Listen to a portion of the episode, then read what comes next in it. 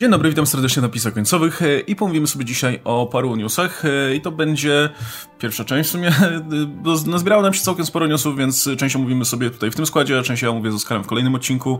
E, pewnie, pewnie pojawi się poza kolejnością, nie wiem, w sobotę na przykład, a może, może w, we wtorek zobaczymy. Tym niemniej dzisiaj pomówimy sobie o rzeczach, które... Mm, dzisiaj, pomówimy, dzisiaj mamy parę takich wspólnych tematów. Pomówimy sobie o rasie, pomówimy sobie o tym, jak to powinien wyglądać, pomówimy sobie o streamingu, pomówimy sobie o to, um, o jeszcze, o Harry Potterze, bo mamy parę tutaj wspólnych tematów. No więc y, może zacznijmy od tej, od tej małej informacji, która w sumie pewnie by nas nie obeszła, gdyby nie fakt, że chodzi, chodzi o e, własność intelektualną, która oczywiście wzięła się z polskiej literatury, czyli o planowanym prequelu do serialowego Wiedźmina. Wiadomo, no, ten Wiedźmin Netflixowy okazał się dużym sukcesem dla e, platformy streamingowej. Planowany jest oczywiście drugi sezon. E, w międzyczasie trzeba było wstrzymać zdjęcia, bo, bo w związku z, tutaj z sytuacją epidemiczną, no ale prędzej czy później się ten sezon pojawi, a w międzyczasie jeszcze dostaniemy na przykład poza tymi animowanymi e, jeszcze spin-offami, e, dostaniemy także pełnoprawny prequel, który się nazywa, e, jak się nazywa Blood Origin. Tak. E, i ogłoszono, e, kto e, pojawi się w głównej roli w tym, w tym, w tymże prequelu, e, serialowym prequelu, który będzie kilkuodcinkową miniserią, zamkniętą historią, która pewnie najpewniej nie będzie kontynuowana. Jodie Turner-Smith zagra elfkę o imieniu Ailey, która w ramach tego, mm, tego świata był, jest wojowniczką obdarzoną głosem bogini, która jest elitarną strażniczką królowej, ale która w którymś momencie postanawia opuścić to, to stanowisko i zająć się byciem Bartką w sumie, nie? I, I, śpiewaczką, powiedzmy, wędrowną. No jak masz głos bogini, to po co się marnować wojując, kiedy możesz śpiewać? No, ale sytuacja jest na tyle ciężka, że bohaterka w końcu um, zostaje skłoniona do tego, żeby znowu sięgnąć za miecz i walczyć. E, no, i nie było oczywiście w tej informacji żadnych kontrowersji, gdyby nie fakt, że um, aktorka jest e, czarnoskóra, co dla wielu osób e, wywołało pewien dysonans, bo nigdy w życiu nie widzieli czarnoskórego elfa albo elfki. Co jest super dziwne, To jest dziwne w sumie, bo, bo jest ich całkiem, całkiem tak, sporo za nimi czasy. Jest ich sporo od czasów mitologicznych. Tak, jakby jeśli odwołujemy się do korzeni, to jedne z tych najbardziej znamiennych przedstawień elfów, y, które, które znamy, które gdzieś tam potem przeniknęły do tej właśnie naszej przetwarzanej popkultury, no to to są elfy z mitologii nordyckiej, gdzie od samego początku mamy dwa rodzaje elfów. Mamy te elfy takie świetliste i dobre i elfy ciemne, które żyją pod ziemią. E, więc y, i, i, co później też oczywiście przetwarzała popkultura, tak nie wiem, w, zapomnianych krainach mamy e, droły żyjące pod ziemią o hebanowej skórze i tak dalej, i tak dalej. No, w Marvelu mamy mroczne elfy przecież, nie? Z, z tym, z tym średnio ma, średnio zobrazowanym Alekitem w drugim filmie, nie? Tak, generalnie no, gdzie się nie obrócimy mamy elfy o ciemnej skórze, nie wiem, w Warcrafcie, w całej masie właśnie powieści, gier, e, właśnie w jakichś przetworzeniach mitologii, więc jeśli ktoś nigdy w życiu nie widział czarnego elfa, no to mało rzeczy widział w życiu.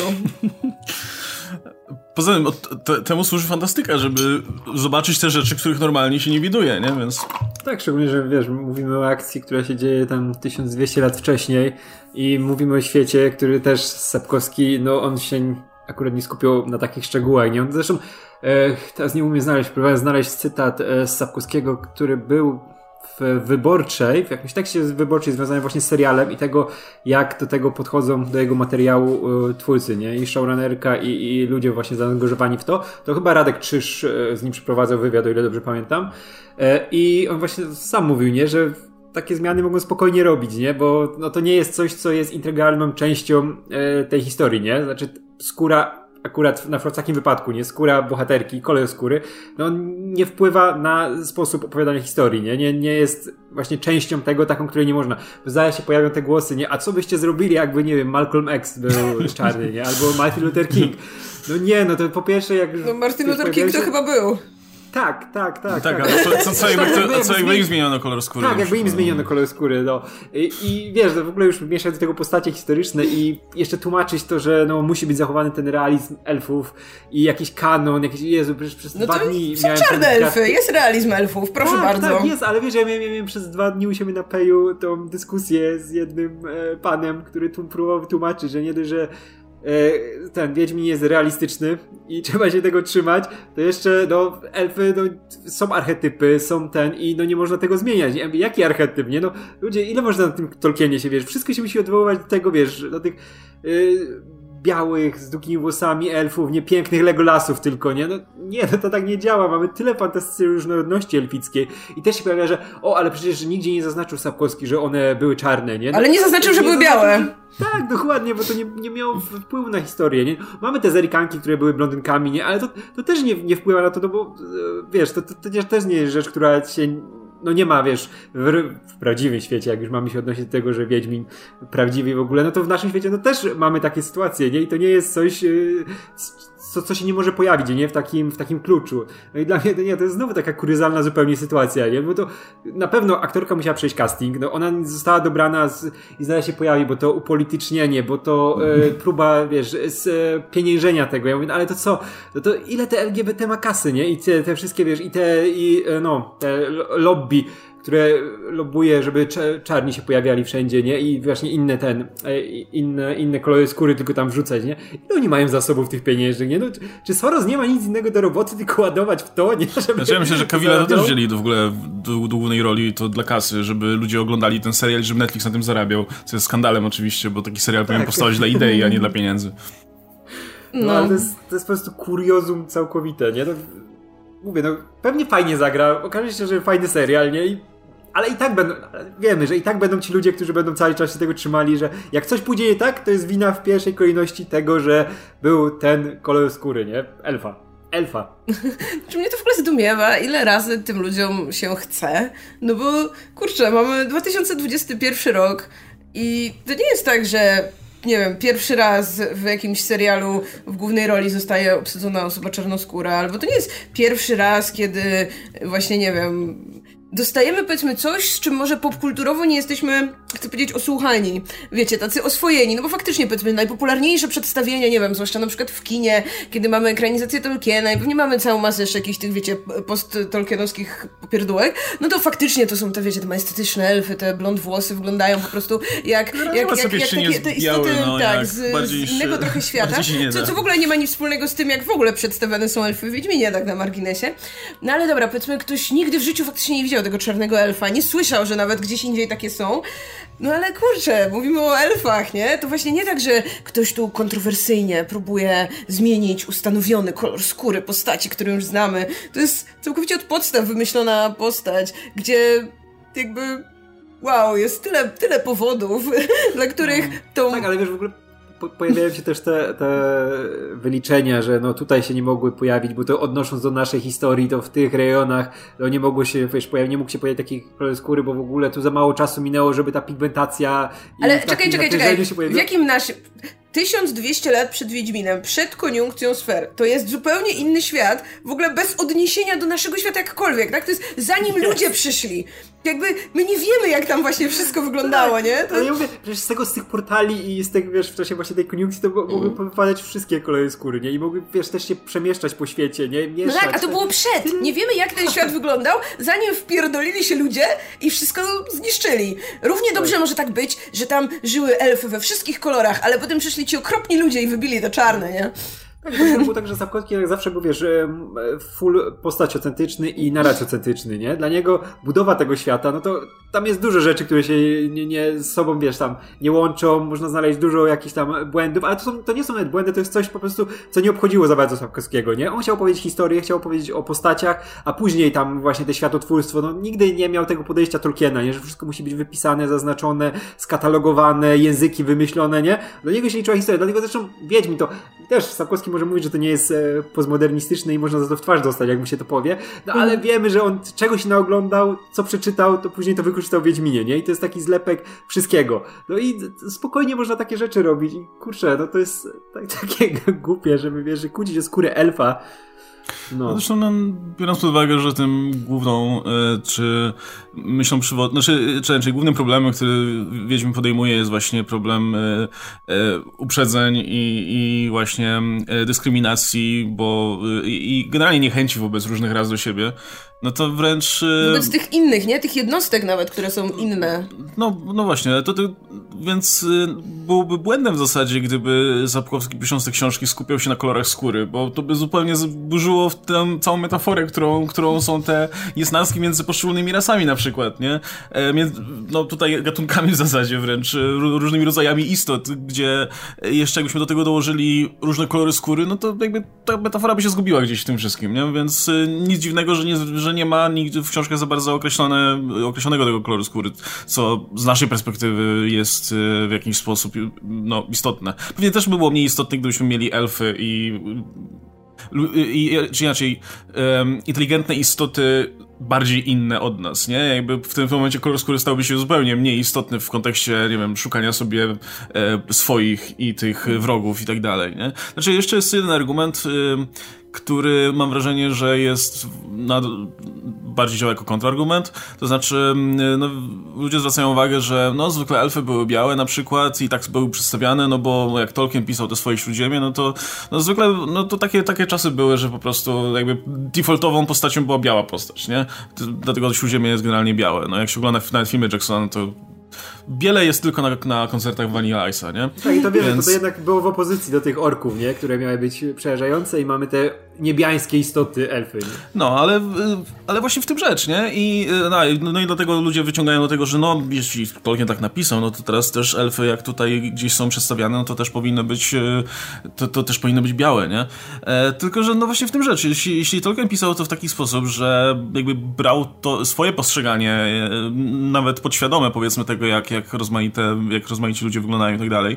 I ludzie czytający wówczas, powiedzmy, powiedzmy jego, jego twórczość, też y, jakby dzięki temu no to, to, co czytali, jakby odnosili do, do, do swoich doświadczeń, swojego otoczenia, no to nic, absolutnie nic dziwnego, że dzisiaj twórcy, gdzie w krajach, gdzie społeczeństwo jest dużo bardziej zróżnicowane, no przenoszą to na, na, na, ten swój grunt, nie? I w momencie, w którym y, społeczeństwo jest mniej jednorodne i generalnie no, w, y, wygląda to zupełnie inaczej, to też te postacie mitologiczne wyglądają inaczej i nagle okazuje się, że no, nikomu, że, że y, doświadczenia tutaj autora, czy, czy to w jaki sposób wygląda jego otoczenie, no zostaje przeniesione tutaj do, y, do tego, jak to, jak to jest ekranizowane, nie? Też, y, umówmy się, inna sprawa też jest taka, że no, trudno, żeby Sapkowski tutaj musiał pisać o różnych kolorach skóry, kiedy no, on sam przebywał w świecie, w świecie czy w otoczeniu, gdzie tych różnych kolorów skóry specjalnie nie było, nie? Jakby, no, no żył w Polsce, więc Polska była y, i wciąż jest w sumie no, dosyć jednorodna, jeśli chodzi o pochodzenie etniczne, więc nic dziwnego, że te książki też tak wyglądały w ten sposób. E, natomiast, no, czy, czy ten serialowy Wiedźmin czy teraz ten prequel, no nie powstaje dla polskiej publiki, powstaje dla publiki międzynarodowej, więc e, musi mieć też na, na względzie to, że będzie go oglądał publika we wszelkich możliwych kolorach skóry, od całej, w ogóle całej skali w zasadzie, od, od, od jasnego do, do, do ciemnego. E, I to też będą osoby, które będą chciały znaleźć odzorowanie tutaj swojego, swojego otoczenia w tym, w tym danym dziele kultury, nie? Więc no, do, totalnie wydaje mi się, totalnie wydaje mi się na miejscu ten argument, że no, Tolkien pisał o białych elfach, bo, bo generalnie społeczeństwo było białe u, u niego głównie. E, i e, no, więc teraz twórcy serialu, którzy, dla, dla, których powiedzmy ich otoczenie wygląda zupełnie inaczej, no też e, zupełnie inaczej widzą te postacie, które, które tutaj będą portretowane. Ja tylko do, dodam, że e, Tolkien też, no opowiadał się otwarcie za, za, przeciwko rasizmowi, nie? I to, że sobie wymyślił akurat te elfy, to też to był po prostu jego pomysł, nie? No taki, taki miał pomysł, tak samo jak twórcy serialu mają taki pomysł na, tutaj na swoje elfy, nie? I no jeśli ktoś ma inny pomysł na elfa, to sobie zrobi swojego elfa, nie? Bo elf, elfickość tego, tego motywu to jest coś, co można sobie modulować na wszelkie sposoby, nie? No, najgorzej mówisz, że właśnie jest archetyp elfa. Nie ma archetypu elfa, mamy tyle wersji elfa, że można z tym naprawdę robić, co się chce, nie? Wiadomo, że są jakieś rzeczy, przez które możesz definiować gatunek, taki jak fantastyka, nie? I on się, dlatego on się rozbija na dziesiątki podgatunków, nie? Już takich mega różnorodnych. Dlatego jak sobie weźmiesz takiego elfa, to zrób sobie swojego elfa, nie? I to jest, każdy elf jest inny i, i super. No byle uszy śpiczasty tak, tak. Ale... I żeby surfował na tarczy. A w ogóle jakby to jest też strasznie śmieszne, jeśli w kontekście prozy Sapkowskiego ludzie przywołują e, powiedzmy właśnie wizerunki postaci znane z e, tutaj całej mitologii tolkienowskiej. Bo to tak trochę jakby w ogóle nie zrozumieli, czym jest Wiedźmin. To znaczy właśnie te, te, te elfy opisywane przez Sapkowskiego, one są właśnie opisywane w pewien sposób w kontrze do tych przedstawień, które właśnie znane, gdzie elfy są zawsze takie, wiecie, są pokojowe, są takie dostojne, są bardzo takie godne. I jasne, jakby w, w uniwersum wiedźmińskim elfy też są takie bardzo dumne, też mają w sobie tę godność, ale przez to, co jakby ten świat z nimi zrobił, przez to, co zrobili z nimi ludzie, oni są okrutni, oni są często właśnie przedstawieni jako, wiecie, no piękni zewnętrznie, ale tacy, wiecie, brzydcy bardzo wewnętrznie, tak? No żyją w czasach wojny, yy, widzieli po prostu niezliczone okrucieństwa, gdzie tam, nie wiem, mordowano ich całe wioski, gdzie oni zostali zepchnięci w ogóle na jakiś margines, gdzie nie mają już nawet co jeść, bo po prostu ludzie odebrali im absolutnie wszystko, z czego, wszelkie zasoby, z których mogliby korzystać. I to już nie są właśnie te piękne, dumne elfy, które mogą żyć w tych pałacach nad wodospadem i po prostu y, niejako tak, wiecie, no spoglądać może troszkę z góry na terasy, które jeszcze jakby nie są na tym ich poziomie gęstości, no tylko właśnie tam to jest to takie zetknięte z tą taką prozą życia, z tym takim pewnym właśnie, wiecie, tym metaforycznym brudem, z koszmarem wojny, z koszmarem uprzedzeń. Jeśli ktoś w tym momencie by oczekiwał, że no no, to elfy u Sapkowskiego powinny wyglądać tak, jak wyglądały elfy u Tolkiena, no to chyba nic nie zrozumiał z żadnej z tych książek. No, znaczy, no, to, no, no, no to nawet na, tym, wiesz, no, na tym podstawowym poziomie zakładanie, że jakaś postać fantastyczna, fikcyjna, totalnie fikcyjna ma wyglądać w jakiś konkretny sposób już jest dziwne, nie? Bo my tutaj wchodzimy, jakby dyskutujemy z jakimiś konkretnymi tutaj argumentami, tak. z jakimiś konkret, bardzo konkretnymi zarzutami, podczas gdy w sumie, no, trzeba by to odnieść, trzeba, trzeba by iść wyżej i, i założyć, że w ogóle mówimy tutaj o fikcyjnej postaci, w fikcyjnym świecie, która może wyglądać w dowolny możliwy sposób. Ja pamiętam, ja pamiętam jeszcze przy okazji tych plotek, y, że y, aktorka odtwarzająca Ciri w głównej tej serii miałaby być czarnoskóra i, i pamiętam te długie, ja zrobiłem film na ten temat, pamiętam jak były długie komentarze, gdzie mi ludzie tłumaczyli, jak wygląda geografia w tym świecie, że tylko w tym miejscu są czarnoskóre postacie, ewentualnie, ale już nigdzie indziej, bo nie. Bo nikt nie mógł bo, pojechać. Bo w książce jest taki, tak. I, i, I, pojawiali się ludzie, którzy na przykład tłumaczyli, że nie, bo Sobkowski tu to nigdy nie, nie, nie definiował tego wyraźnie i tak dalej. Gdzie wytłumaczeniem jest, to jest fikcyjny świat, tak? Nawet nie mówimy o książce, mówimy o serialu, gdzie geografia może działać zupełnie inaczej. W ogóle można sobie wymyślić jakkolwiek, kto by chciał. Um, dowolne królestwo może być, nie wiem, zasiedlone czy, czy zaludnione tylko i wyłącznie ludnością takim i takim pochodzeniem etnicznym, jeśli autorzy by sobie tak wymyślili, bo stwierdziliby, że o, to nam pasuje tutaj. Połączmy taką i taką kulturę, powiedzmy, z tym, co znamy z naszego świata i będzie fajnie działało i już. Um, I no, ale to jest też taki szerszy problem, że ludzie nie mają pojęcia, na czym po, powinna polegać dobra adaptacja i że to jest osobne dzieło, a nie coś, co przekładasz jeden do jednego, bo jak nie przełożysz tego dobrze, nie przełożysz tego tego identycznie, no to, to znaczy, że to jest zła adaptacja. Właśnie, ja nie ukrywam, że ja mam trochę inaczej, bo dla mnie w pewien sposób ciekawsze są te próby spoglądania na argumentowanie tego. No jeśli ktoś po prostu pisze, o czarny, poprawność polityczna, no to jakby wiesz, że nawet nie ma o czym rozmawiać, nie? Ale jakby ta osoba w pewien sposób wprost mówi ci, że ma jakieś tam, nie wiem, uprzedzenia, czy generalnie, nie wiem, nie lubi oglądać osób o tym kolorze skóry w swoich serialach, w swoich filmach i okej, okay, jakby tutaj nawet nie wchodzisz w polemikę. Ale kiedy ludzie zaczynają y, stosować argumenty, powołując się na jakieś właśnie ich zdaniem logiczne przesłanki, no to zaczynasz się zastanawiać, dlaczego, tak? Czemu ktoś wyciąga tego Tolkiena do rozmowy? Czemu ktoś wyciąga, nie wiem, że to jest y, przedstawienie tutaj słowiańskiej kultury, albo europejskie średniowiecze, albo całą masę innych argumentów. I patrzysz na to i widzisz, że tak naprawdę ci ludzie po prostu szukają usprawiedliwienia, dlaczego nie podoba im się ta czarna osoba na ekranie, bo, bo te argumenty, kiedy zaczyna się rozkładać, właśnie nie mają sensu, tak? No bo właśnie to nie tak, że możesz się odwołać do Tolkiena i coś tu pasuje, bo nic nie pasuje. To się po prostu rozłazi w szwach wszystko. I dlatego wydaje mi się, że warto te, no, dla nas może niedorzeczne argumenty w jakiś sposób próbować skontrować w taki sposób merytoryczny, no bo może, nie wiem, są gdzieś ludzie, którzy jeszcze, nie wiem, nie czytali tego, są, przypuśćmy, jeszcze, nie wiem, młodsi, nieobeznani, cokolwiek i ich to w jakiś sposób, no, przekona do czegoś, tak? A, a wydaje mi się, że jeśli ktoś właśnie wyciąga tego typu tego typu argumenty właśnie nie trzymające się niczego, nie trzymające się książek, do których się odnosi, nie trzymające się kontekstów literackich, to dla mnie to wygląda zawsze jak takie szukanie usprawiedliwienia, że po prostu chcę napisać, że nie podoba mi się ta czarna osoba, ale przecież nie chcę wyjść na rasistę, więc napiszę, że a, bo u Tolkiena, u elfów to coś tam, nie? I kurczę, przestań, przestańcie ludzie, przestańcie po prostu mydlić sobie samym i innym oczy, no. Tolkien nic tu nie ma do tego, że wam się nie podoba takie przedstawienie elfa na ekranie, no. I to jeszcze, jeszcze na koniec e, muszę przeczytać mój ulubiony komentarz związany z tą sytuacją, który jest ostatecznym komentarzem kry, krytykanckim, który jest po prostu przepiękny. Już, już wiecie o co chodzi, nie? Ale muszę to przeczytać. To niejaki Mateusz, który pewnie będzie kiedyś w jakichś annałach i wiesz, wspominany. Uwaga, TVN. Tak, tak. Albo w uwadze TVN też tak może być. Ale to już czytam. Sekunda.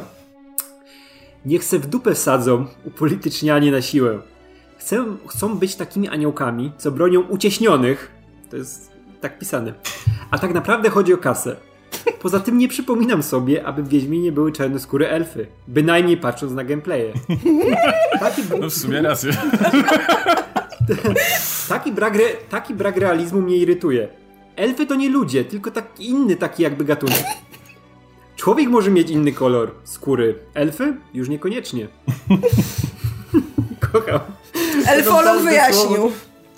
Wyjaśnił wszystko. I jestem pewien, że w tym momencie pojawi się jakaś osoba, co pomyśli sobie, no tak, bo przecież e, ten ciemniejszy kolor skóry wynika z tego wystawienia na słońce i tej pigmentacji skóry. Czy w Śródziemiu, czy w Śródziemiu albo w świecie Sapkowskiego jest te, są jakieś tereny, gdzie faktycznie jest dużo bardziej gorąco i wtedy te elfy, które by tam żyły na tej pustyni, czy na jakiejś sawanie, czy cholera wie gdzie, mogłyby nabrać takiego koloru skóry.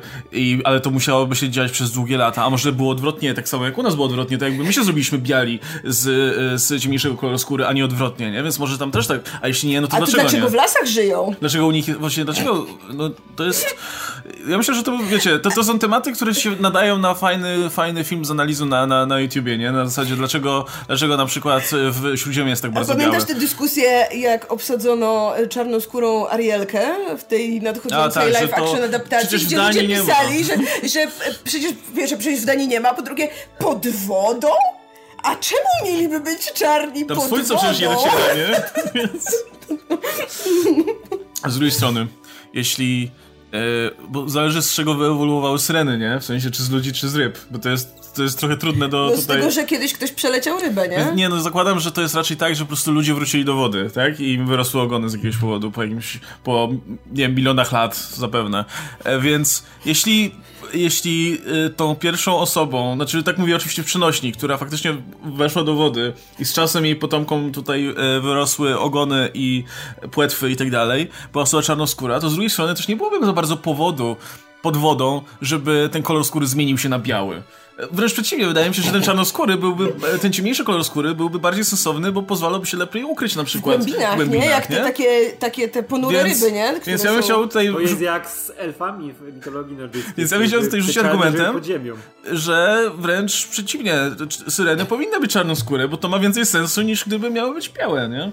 No bo jeśli mieszkasz w tym nasłonecznionym terenie, to prędzej zejdziesz pod wodę, bo ci gorąco, no nie? No. A tacy ludzie mieszkający w klimacie zimnym lub umiarkowanym, to by Plus- nie schodzili, plus, bo że- woda żebyśmy- jest zimna. Plus, to żebyśmy mieli, sens. żebyśmy mieli syreny y, we współczesności, tak powiedzmy, czy nawet parę wieków temu, to ci ludzie musieliby zejść do wody dawno, dawno temu. To jeszcze wtedy, kiedy podejrzewam, że wszyscy byliśmy czarnoskórzy i mieszkaliśmy co najwyżej na, tym, kawał, na kawałku Afryki. Jeszcze zanim Herkules oddzielił Afrykę od Europy, prawda? No tak, przed pierwszym królem Afryki. No, ale...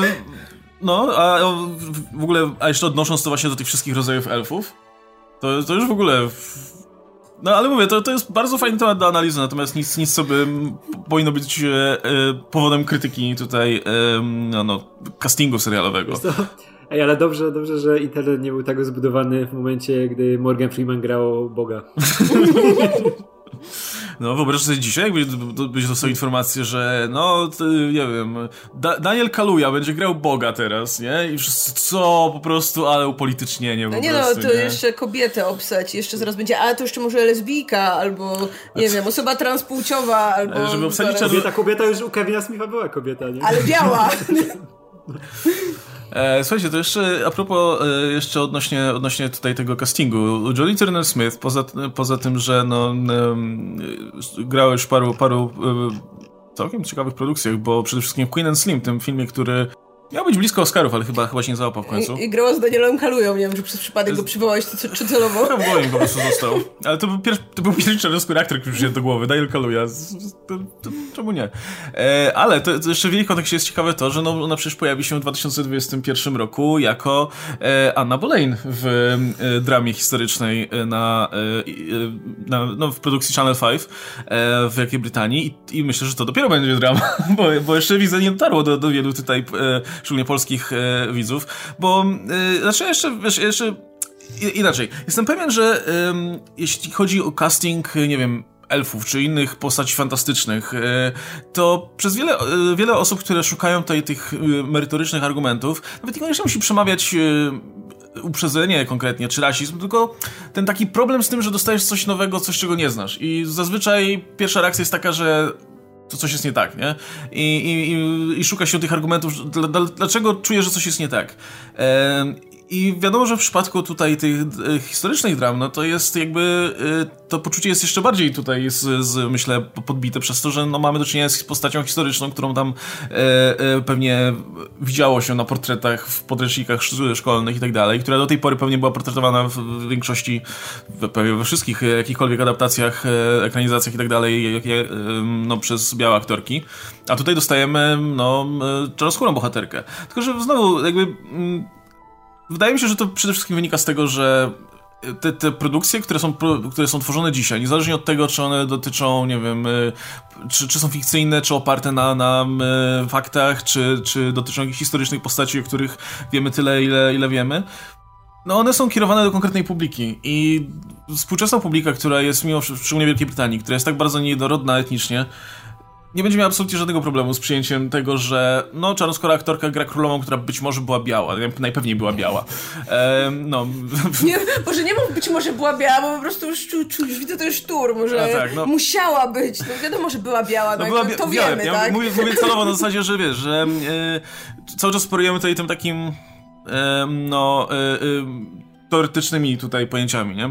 I chodzi o to, że dla, dla, dla, dla publiki, która, która się będzie stykać z tym, która na co dzień się styka z masą ludzi o wszelkich, wszelkich możliwych kolorach skóry, jakby nie ma znaczenia w tym momencie, czy ta, czy ta postać jest historycznie biała, czy czarna, czy jakakolwiek inna. Jakby liczy się sama historia, bo no jakby i wie, co, co więcej, podejrzewam, że w, im dalej, tym coraz bardziej będzie się to zacierało. Coraz, coraz częściej będziemy widywać e, kompletny brak tutaj e, trzymania się tego, czy, czy dana postać miała taki, taki, a taki kolor skóry. Szczególnie właśnie, że Brytyjczycy jakoś mają do tego zupełnie luźne podejście od bardzo dawna. Nie wiem, z czym to jest związane z ich podejściem w teatrze, może, może że... no, no, i też z tym, że jednak inaczej wygląda historia, powiedzmy, rasowa Wielkiej Brytanii, a inaczej wygląda historia rasowa Ameryki, tak? tak no, Ta, no właśnie, to też jest inna kwestia. To są jednak trochę innego rodzaju, e, powiedzmy, zaszłości historyczne i generalnie w Wielkiej Brytanii od jakby dłuższego czasu jest taki bardziej color blindness, powiedziałabym. I no, Dużo tak, większa przez... swoboda właśnie też obsadzania aktorów i w teatrze, ale też właśnie w, ich, w jakichś brytyjskich produkcjach serialowych, gdzie no niekoniecznie ta postać spełnia jakieś takie nasze wyobrażenia, które znamy gdzieś tam z portretów, a bardziej liczy się oddanie esencji tego, jak sobie wyobrażamy tę postać, gdzie no na przykład w przypadku Anny Boleyn, no to co, co myślimy, jak słyszymy to nazwisko, tak? Że no po pierwsze jest to taka raczej postać intrygantki, tak nam się kojarzy, tak? Że no uwiodła tego króla, że musiała być niezwykle taka piękna i kusząca, że jednak go tam skłoniła, żeby no wtedy dopiero tak naprawdę to przeprowadził całą rewolucję tylko po to, żeby po prostu y, móc ją wziąć za żonę. I jakby to jest ważne, to jest jakby ta esencja tego i wokół tego możemy sobie oczywiście tam opowiadać jakieś wariacje, przedstawiać ją w takim świetle, w innym świetle i tak dalej. Ale jakby tutaj wtedy ten kontekst etniczny, powiedzmy, no nie ma żadnego znaczenia, tak? No jakby, no wiemy oczywiście, że właśnie była biała, bo wiemy jak wtedy wyglądały e, społeczności, wiemy jak wtedy wyglądały, nie wiem, czasy na dworze i tak dalej, ale no to nie ma znaczenia, kiedy opowiadasz fikcyjną historię na bazie życia prawdziwej postaci, tak? No liczy, liczy się trochę co innego. To, i... jest, to przecież jest mimo wszystko odtworzenia tylko jakichś tam wydarzeń, Plus... nie? To jakby, na, jak, jak, się na tym zastanowić, to nie różni się wiele od, nie wiem, od właśnie teatru, gdzie po prostu masz aktorów, którzy odgrywają postacie na scenie, jakby, no tutaj idziesz krok dalej, bo wszystko jakby otoczenie i tak dalej wygląda bardziej realistycznie, ale w swojej esencji to wciąż są po prostu aktorzy, którzy tak, odgrywają tak. daną postać, a nie są nią, nie? Więc... Tak, tutaj wiesz też o to chodzi na, na ile te dzeń postaci, która jest ważna w kulturze i, i która się w jakiś sposób zapisała mocno w niej, e, właśnie na ile tutaj sobie można pozwolić na zmianę tego koloru skóry, bo na przykład ja bym zobaczył tą właśnie wersję jakiegoś na przykład Martina Luthera Kinga, żeby ktoś zrobił, ktoś wiesz, tam się najbardziej pulta, że o, zróbmy białego Martina Luthera Kinga, nie? No, nikt mądry tego nie zrobi, nie? Ale chciałbym, żeby ktoś naprawdę się wziął za to z tych, którzy tam najwięcej krzyczą. Nie, nie zrobi. I teraz jaka to będzie historia, nie? Co, co opowiesz, nie? Jak opowiesz o tym, co, co wiesz, konstytuuje e, i ten, i co wpływa na to, jak jest postrzegany dzisiaj, wiesz, przez czego pryzmat Martin Luther King, Malcolm X, wszystkie te postacie, które się pojawiają, wiesz, w pierwszym szeregu, a jakby były białe, nie? Black Panther, nie? Spróbuj teraz opowiedzieć tą historię, z, wiesz, z wykorzystaniem tego, co konstruuje, kon, wiesz, konstruuje tą postać w największym stopniu i zrobić ją białą, nie? I niech ten Martin Luther King będzie biały. I gdzie jest historia? I o co on walczy wtedy? Tak, o co, o co, o co on walczy, nie? To co, dobra, zamienisz, że wiesz, że jest cała Ameryka czarna i on jest biały i walczy o, wiesz, wolność białych i co, co dopowiesz, dowiesz do, do jego historii, nie? O czym opowiesz? No, będziesz dalej o rasizmie opowiadał, nie? No dobra, ale to tak nie wyglądało historycznie, nie? To, I to jest tak kuriozalne w ogóle ta, ta podmianka, nie? No, możesz to zrobić, ale nic z tym nie opowiesz, nic, nic nie, nie będziesz miał do przekazania po takim zabiegu, nie? I tu jest sedno tego. No, podczas gdy, no, jeśli masz czarnoskórą Annę Boleyn, no to jakby nie zmienia ci to niczego, no tak. poza, poza tym, że no, jakby ktoś może mieć dysonans, bo kojarzy wygląd tej postaci inaczej, co jakby często ma miejsce, nawet niezależnie od koloru skóry, nie? Bardzo często, no nie wiem, w filmie postać wygląda inaczej niż wygląda w rzeczywistości, bo lepiej to pasuje do filmu, albo do aktorki, albo do czegokolwiek ja, innego. Ja przepraszam bardzo, ja, ja pamiętam te czasy, jak wychodzili tu Dorowie. No to jest w ogóle wspaniały serial, ja go uwielbiam. I przecież ludzie byli oburzeni, że Jonathan Rhys-Meyers, grający króla Henryka, nie jest gruby i brzydki. Bo, bo dlaczego? No przecież na obrazach wiemy, jak wyglądał Henryk VIII. Dlaczego, dlaczego wzięli aktora tutaj wpisującego się w te, wiecie, nasze kanony urody, młodego i tak dalej? No bo opowiadaliśmy historię też właśnie o królu, który troszkę gnije od środka, tak? I który jasne pod koniec ma te swoje słynne problemy zdrowotne, ma ten ropień na nodze i tak dalej, ale jakby to nie chodziło o to, żebyśmy patrzyli na niego i myśleli sobie brzydki stary facet, tylko żebyśmy właśnie pewien sposób dyskutować z widzem, tak? Pokazywać pewne rzeczy za pomocą czegoś, co też mamy w głowach i jakiejś możliwości dyskutowania z tym, no plus, no tak jak mówisz, generalnie to przy postaciach historycznych potem nawet jakby kolor skóry się zgadzał, to się kłócili, że nie wiem, ma włosy, włosy w złym kolorze czy coś, tak? No by... No, ale... ale zobacz, jak się, jak się kolor skóry wiesz, na przykład weźmy postać bardzo znaną, czyli Jezusa i tak mi się wydaje, że Willem Dafoe czy Jim Caviezel, no, no, no, oni nie są, wiesz, idealnie, żeby go przedstawiać, ale widzisz, to nic nie zmieniło, nie? Wiesz, wiesz o czym jest historia, nie? To nie jest podstawa tego, nie? Ale to też jest kwestia tego, że no, my wychowani tutaj w, tak. no, w takim społeczeństwie, jakim jesteśmy, zawsze widzieliśmy Jezusa jako białego, bo my mamy biały kolor skóry, więc zakładamy... Bo tak jest w naszej też, wiesz, ikonografii, Tak, obrazach, tak jest w ikonografii, tak? a tak jest w ikonografii, no bo też, no jakby w, to, jest, to była ikonografia przeznaczona dla naszego kręgu kulturowego, nie? Natomiast, no inaczej Jezusa sobie wyobrażają ludzie mieszkający na Bliskim Wschodzie, inaczej sobie wyobrażają ludzie mieszkający w Afryce, nie? Albo w Ameryce e, Południowej, te, gdzie też te przedstawienia są, powiedzmy też w ogóle w inne stylistycznie, nie? nie? Wyobraź sobie ten, e, historię, gdzie mamy czarnoskórą Matkę Boską, nie? I nagle, wiesz, jest wielka wrzawa, jak to tak można? I a wiesz, co jest w Częstochowie, nie? I ciekawe, jaka będzie, jaka będzie, wiesz, Jakie będzie zderzenie kulturowe nagle, nie? Jezu, kurde, co jeśli Fronda odkryje nagle? że, Ona tam cały czas stała. Tak. Czarna Madonna cały czas stała. nie, ale właśnie o to chodzi, nie? że jakby masz, yy, masz ludzi, którzy zawsze sobie wyobrażają, wyobrażają to, na co patrzą w, no, podług siebie, według siebie. Nie? Jestem pewien, że ludzie, którzy oglądają właśnie jakieś dramy historyczne w współczesnej Wielkiej Brytanii, a są czarnoskórzy, to też sobie nie wyobrażają cały czas tej, tej historii w, w wykonaniu wyłącznie białych facetów w perukach, tylko tylko sobie wyobrażają w taki sposób, jak teraz te, zaczynają e, te produkcje podchodzić do, tego, do, do, do, tej kwestii, nie? Jakby jeśli jesteś młodym odbiorcą jakiejś e, właśnie, e, no nie wiem, jakiejś produkcji, która portretuje, nie wiem, czasy ojców założycieli, no to zaczniesz ich widzieć jak ludzi z Hamiltona, no, no, no bo po prostu zaczniesz, bo widzisz jak, nie wiem, twoje otoczenie, jak wyglądają młodzi ludzie, którzy, z którymi ty masz kontakt, powiedzmy, nie? I zaczniesz sobie wyobrażać w tamtych czasach, nawet jeśli, powiedzmy, społeczeństwo było bardziej jednorodne. I, I dokładnie w ten sposób to odzorowują tutaj.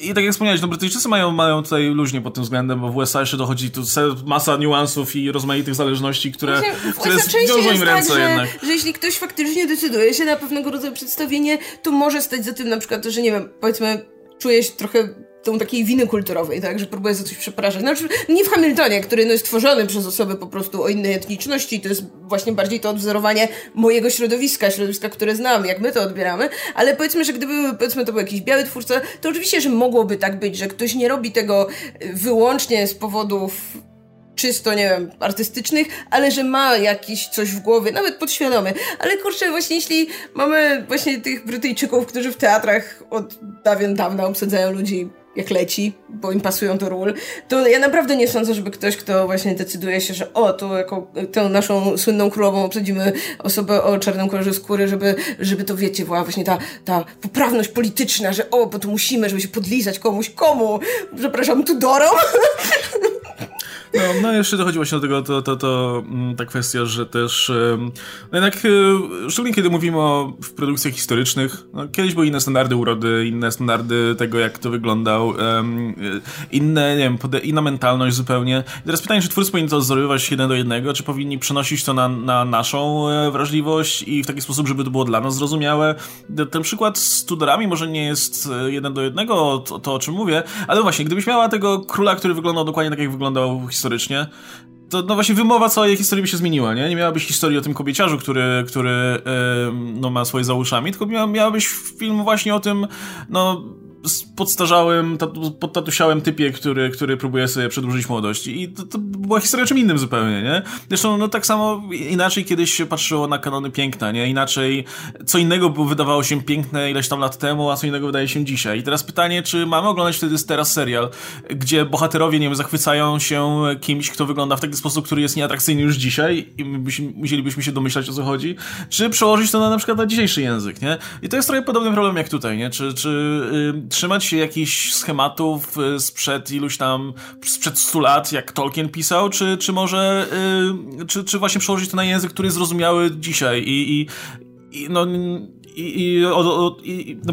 kierując tam, szczególnie tę produkcję dla, dla społeczeństwa, które no jednak y, nie jest oparte tylko i wyłącznie o, o, białe osoby. No, więc y, to tak jeszcze w kontekście tej drugiej produkcji, którą, w, której, w której się e, Jodie Turner-Smith pojawi. No, a jeszcze tak ostatnie pytanko odnośnie tego tematu. Jak wam generalnie widzi się pomysł na ten prequel który utrzymany? I tutaj już ma, macie ten zamy, zamy, e, zarys historii i, i okres właśnie tam te 1200 lat. Czy to jest coś, co was interesuje i będziecie to oglądać, czy, czy tak sobie? Czy jeśli nie ma tych postaci, wiecie, z książek, to lipa. Tak sobie, znaczy... Wiesz, tak naprawdę to Ciężko powiedzieć, no bo to nie jest czas, którym, nie wiem, jakkolwiek byłby zainteresowany Sapkowski, to nie jest coś, co znalibyśmy z jakiegokolwiek innego medium, więc no, w tym momencie twórcy serialu mogą wymyślić super pasjonującą historię, która no po prostu na własnych nogach stojąc jest fajną i ciekawą i wciągającą historią i obejrzysz, a może być po prostu no, zrobione, bo Wiedźmin jest marką popularną, więc zróbmy cokolwiek. No i tak naprawdę no, ciężko stwierdzić, tak? Sam fakt, że są tam, yy, nie wiem, że jest to znajome uniwersum, albo sam fakt, że ale nie ma tam znajomych twarzy, to jakby nic dla mnie nie znaczy. No, jeśli, nie wiem, serial generalnie będzie miał w sobie jakąś, nie wiem, ciekawą rzecz, poza tym, że dzieje się 1200 lat temu. No właśnie, dowiemy się czegoś więcej. W jakiej sytuacji są ci bohaterowie, co robią, o czym tak naprawdę jest ta cała, no powiedzmy, esencja serialu, tak? No bo serial ra raczej nie będzie o tym, że o, 1200 lat temu też był świat, tylko no będą tam jakieś konkretne wątki i tak dalej.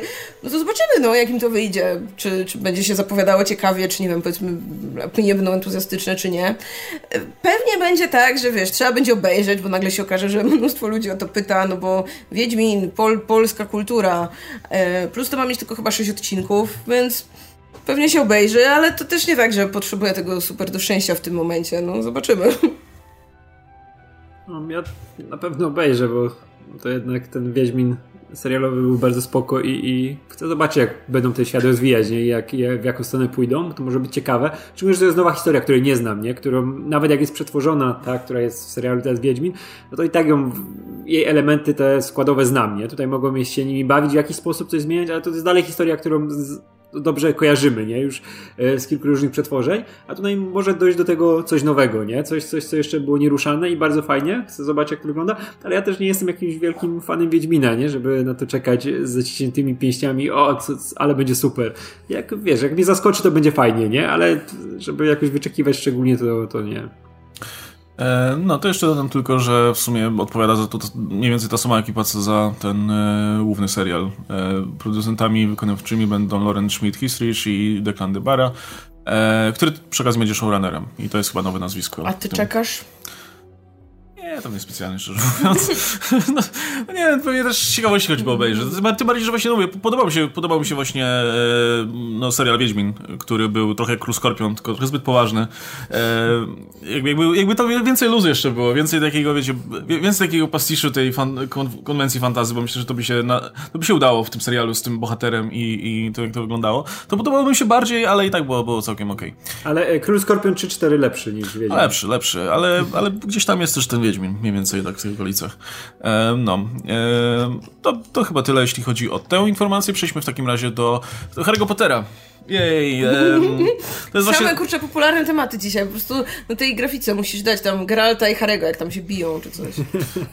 A co mam czarnego elfa dać? Żeby no, po prostu żebyśmy łapki w dół mieli same no ty. Um, no nie, no zobaczymy w sumie, bo to też y, ani z tego Wiedźmina nie ma grafiki jeszcze, ani ten Harry Potter nie ma grafiki jakiejś konkretnej. No, musisz sam zrobić. Dać jakąś ten, nie no dam jakiś plakat Harry'ego Pottera czy coś Dasz Kavilla i Redcliffa, no znane twarze, o, ładnych panów. No, no, Wiedźmin i Harry Potter razem, ramię w ramię. To, to był Kruskopler, którego bym oglądał.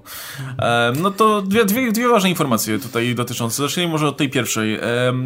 po pierwsze, marka Harry Potter ogólnie, czy Wizarding World, to, to jest tak idiotyczną nazwą. Czemu w ogóle? Czemu, czemu to się nazywa Harry Potter po prostu? Dobra, w każdym razie. Wszyscy zawsze piszą Harry Potter and Wizarding World, no tak, nie? Tak, tak, Wizarding World. Okej, okay, nieważne. W każdym razie, to, ciągle, to jest ciągle lepsze niż Worlds of DC, które, które chyba umarło tak szybko, jak się pojawiło.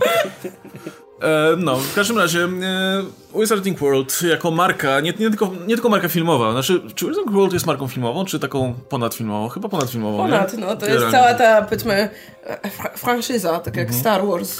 E, no, w każdym razie tak, całą tą, całą tą marką, nie tylko filmową, ale także wszystkim, co związane z nią, e, czyli też innymi produkcjami w, w, innych mediach, e, produkcją gadżetów, parków rozrywki itd., tak itd. Tak e, od tej pory będzie odpowiadać, czy raczej od tej pory za to będzie odpowiadać jedna osoba, Tom Askheim, e, który został oddelegowany przez Warnera i to jest, to jest pan, który wcześniej zajmował masą rzeczy właśnie dla tych młodszych odbiorców własności Warner Media.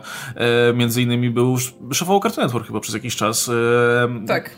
Tak, między, między innymi e, zajmował się też tymi produkcjami e, Turner Classic, które były dla najmłodszych, czyli tymi rzeczami od Hanna-Barbera, ile dobrze kojarzę. E, no generalnie gość, który, który co, znaczy oddanie mu teraz Wizarding World, które wydaje się spoko, e, tutaj znaczy sensownym krokiem w dalszej karierze. Ale właśnie, czy Wizarding World jest tą marką w tym momencie, jeszcze, która jest w stanie w ogóle zainteresować tych młodszych odbiorców, czy to jest raczej marka w tym momencie dla tych podstarzałych nerdów, takich jak my, którzy dorastali z Harry Potterem? Bo to jest e, coś, o czym, e, co, co nas, myślę, potem ładnie przeniesie do kolejnego tematu, ale mam wrażenie, że to jest ten ostatni dzwonek, żeby faktycznie nadać tej marce jeszcze jakiś kierunek i jakąś strategię, bo bo je, wydaje mi się, że jeszcze wciąż jest duże grono y, fanów, którzy na Harry Potterze właśnie się wychowali i którzy mają jakiś emocjonalny stosunek i którzy no, żyją w jakiś sposób nim. To, to przeszło, wydaje mi się, jednak do, do takiego potocznego języka. Ja, ja sam jakoś nie jestem wielkim fanem, no ale jak są jakieś aluzje do Harry'ego Pottera, czy jakieś odniesienia, czy tak dalej, no to kojarzę. Um, widziałem te filmy wszystkie, które mi się zlały w jedno i produkowane są te kolejne. Nie, nie, nie, więzień Azkabanu się wyróżnia. No tak, tak. Czara ognia się wyróżnia. nie, nie, więzień Azkabanu jest, jest tak lepszy, a Czara ognia jest gdzieś tu, a potem zresztą filmów. No nie, no, szczerze mówiąc, te pierwsze dwa są jeszcze urocze jako te filmy dla dzieci, takie, które mają taki no, urok. już po Kevinie samym w domu, no. No, no ale, ale przynajmniej są jakieś. Potem jest gorzej. Właśnie od piątej części w górę to już jest... Bo David Yates jest okropnym typem. Dobra, ale... W sensie okropnym twórcą. Ale wracając do tej, tej do, do, do, tego, o czym mówiłem. Tarzan. To jest, to jest, to jest ten motyw, właśnie to jest ten motyw, że, e, że ta marka się trochę nie rozwija. To znaczy, ona ma ten trochę problem, który miały Gwiezdne Wojny, z którego powoli zresztą też zaczynają się powoli wygrzybywać, mam wrażenie. Czyli mamy tę grupę fanów, więc dawajmy im rzeczy jakieś, ale nie za bardzo Harry Potter wychowywał sobie nowy, nowy tutaj na rybek, więc nie powstawały właśnie żadne seriale, a wiem jak dzisiaj ważne są seriale przy, przy rozwijaniu rozmaitych marek i uniwersów. Nie powstawały filmy, które by odnosiły sukcesy od czasu zakończenia tego głównego cyklu, bo Fantastyczne Bestie, no każda kolejna część, no znaczy, pierwsza była relatywnym sukcesem, potem druga poradziła sobie dużo słabiej. Podejrzewam, że zainteresowanie trzecią na tym etapie też jest raczej niskie. I generalnie, jak przegapią ten moment, no to będzie, będzie to sytuacja, w której w zasadzie jedyną grupą, do której, do której będzie można kierować e, rzeczy związane z Harry Potterem, no to będzie, ta grupa ponad 30-letnich starych nerdów, którzy, których też zainteresowanie będzie maleć czasem, nie? Jakby ja wiem, że książki z, z świata Harry'ego Pottera są cały czas dostępne na rynku i filmy są dostępne na rynku i cały czas można je kupić i pewnie będzie masa osób, która będzie po nie sięgać, ale to już nigdy nie będzie taka wielka fala, jaka była w trakcie, kiedy te książki wychodziły, w trakcie, kiedy filmy wychodziły, kiedy masa osób dopiero poznawała ten świat i, i i w tym momencie nie, jakby, no, to wszystko troszkę stanęło w miejscu, więc yy, myślę, że to jest ostatni właśnie dzwonek, żeby, żeby, te, żeby kogoś powołać i żeby ktoś jakąś strategię tutaj nakreślił i wymyślił jakieś rzeczy, które mogłyby znowu pozwolić się rozwijać tej marce, a nie zostać, zostawać w miejscu. Yy, więc pytanie do was, co, co, co, co pan Askain powinien zrobić w pierwszej kolejności? No ja się bardzo jaram na ten e, serial, który ma wrócić, wiesz, e, do podstaw i jeśli chciałbym, żeby, wiesz, się rozgrywał gdzieś w Hogwarcie, żeby zrobić z tego jakiś taki naprawdę fajny, młodzieżowy serial, ale nie, nie Daylight go i nie wingsować, jak to teraz jest, wiesz, że bierzemy tą, tą markę, która była taka, wiesz, przystępna, fajna dla młodzieży, żeby dobrze się bawili, przygodowa i dodać tam, wiesz, krew, skóry i, wiesz, seks i będzie, będzie lepiej, nie? Bo to już e, odbiorcy docelowi, którzy wtedy się wychowywali razem z tym, oni dojrzeli, więc dajmy im coś dojrzałego z tym, co kiedyś kochali, nie? I nie, to żeby w życiu nie poszło tą drogą i myślę, że nie pójdzie, bo ta marka jest za bardzo, wiesz, przez też e, trzymana w ryzach, nie? I każdy jednak krok, który się z nią robi, to musi być przemyślany. Chociaż fantastyczne e, bestie, fantastyczne zwierzęta, tak? To fantastyczne zwierzęta jest po polsku. Fantastyczne zwierzęta, tak. E, no, one pokazują, że jednak tam też tego przemyślenia nie było za bardzo, no, ale mam nadzieję, że właśnie w tą stronę by to poszło, nie? Żeby jak ma być, mają być te seriale to żeby był właśnie jakiś taki młodzieżowy, z fajnymi postaciami, bo kurczę, to, ten, ten świat żyje, nie? To nie jest tak, że tylko się kończy wszystko na potęży i na tej wielkiej wojnie, nie? No, tylko to tam jest tyle fajnych elementów, tyle fajnych motywów, tyle fajnych miejsc, tyle fajnych zawodów, wszystkiego, nie? Żeby to się zrobić taką jedną, tylko taką dłuższą narrację, nie? Żeby to nie było tak jak właśnie w, w tych fantastycznych zwierzętach, gdzie się na więc szybko przedstawiają tą historię, wiesz, po łebkach, bo trzeba dodać te wszystkie znane motywy, nie? Że się ten Grindelwald musi pojawić, musi tam zaraz Dumbledore wbić i, szybko wszystko, wiesz, w jednym miejscu zbite. A ja bym chciał, żeby to była taka wolniejsza narracja, żeby ten świat powoli znowu żyć nim, nie? Tak jak książki się czytało, to to było tak fajnie, jesteś teraz na ulicy Pokątnej, jesteś teraz tutaj, nie? Idziesz do dziurawego kotła. No tak miałem, no wiesz, pamiętam to idealnie, nie? Radek widzisz w dziurawym kotle. Tak, ja to, dalej w dziurawym, ale teraz już też, wiesz, już to nie jest mleko ten, znaczy nie, to było to piwo, jakie to było? Te... Kremowe. Kremowe, ale... Kremowe, tak, to już ale nie to kremowe. w Teraz na to Hogsmeade, tak? Ja już wszędzie, już wszędzie leżę i już bez tego piwa kremowego, tylko normalnym już jadę, nie? I już koniec, jest skończony. Taką historię bym zobaczył, gościa, który źle skończył w tym świecie, nie? Który sobie nie został aurorem, tylko został w tym, w barze. Tylko, no, po, ale tylko powiem, że się roześmiałem, bo Radek powiedział żyć w nim, a ja zrozumiałem Żydzi. Ja też o to chodzi. I chciałam tak zapytać Żydzi, ale stwierdziłam, dobra, głupio będzie. Może też, może czemu nie? nie? Jak to będzie wolnie rozwijana narracja, to też może mogą się takie postacie pojawić. I no chciałbym, chciałbym właśnie coś takiego wolnego, przemyślanego przede wszystkim i żeby też jakieś, jak z tego spin-offy będą wychodzić, to żeby też wszystko to naturalnie wychodziło. Jest, bo tam jest tyle magii cały czas. No i, i chciał, chciałbym to zobaczyć, nie? I też to można fajnie umiejscowić w jakichś latach, nie wiem, już po, po, po Potterze, przed Potterem, nie? To też jest w sumie nieważne. Ja bym wolał, żeby to było już po Potterze, nie? Że on sobie gdzieś tam jest, robi te swoje rzeczy, te jego dzieci też są, mogą się pojawić w jakiś sposób, no ale żeby jakieś na innych postaciach się skupić, nie? jak one sobie muszą tam poradzić i, i, i fajnie, żeby było. E, wydaje mi się, że tak naprawdę, jeśli chcemy mieć taką dużą markę, to powinniśmy przede wszystkim robić dużo różnych rzeczy jednocześnie.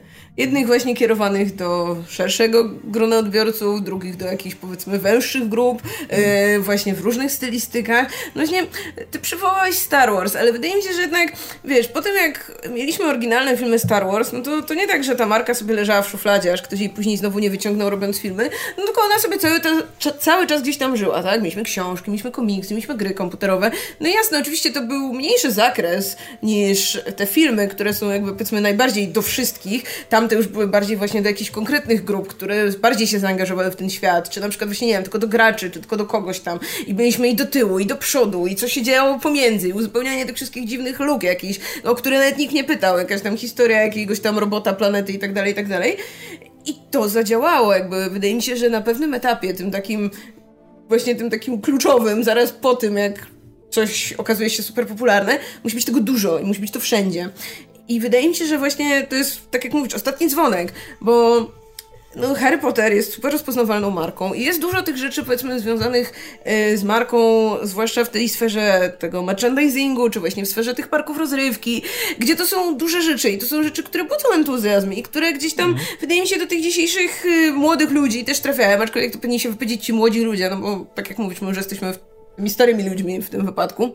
Yy, I wydaje mi się, że jeśli oni tylko dostaną właśnie jakieś nowe rzeczy, nowe fabuły, którymi mogą żyć, yy, to to jak najbardziej może, może jakby cały czas żyć dalej, cały czas może chwycić. No właśnie yy, wiadomo jak to często bywa, że jakby jeśli Harry Potter wyszedł już tam te nie wiem ile to lat temu, pierwsza książka to chyba był 97, chcę powiedzieć, więc o mój Boże, panie, inna epoka. No to powiedzmy dzisiejsza młodzież pewnie wolałaby coś mimo wszystko wydanego teraz, co wszyscy gdzieś tam będą czytać. I jasne, duża grupa na pewno by się do tym, tych książek cofnęła. Duża grupa dzieciaków na pewno dalej je czyta, no bo jednak te, te klasyki literatury dziecięcej są, wydaje mi się, gdzieś tam jakimś takim zawsze kanonem i mimo wszystko tam łatwiej się wraca do tych rzeczy, będąc jeszcze właśnie w tym dziecięcym wieku niż nawet później, bo później jest jeszcze większy nacisk na te rzeczy, które są powiedzmy bardziej modne i bardziej wychodzą teraz.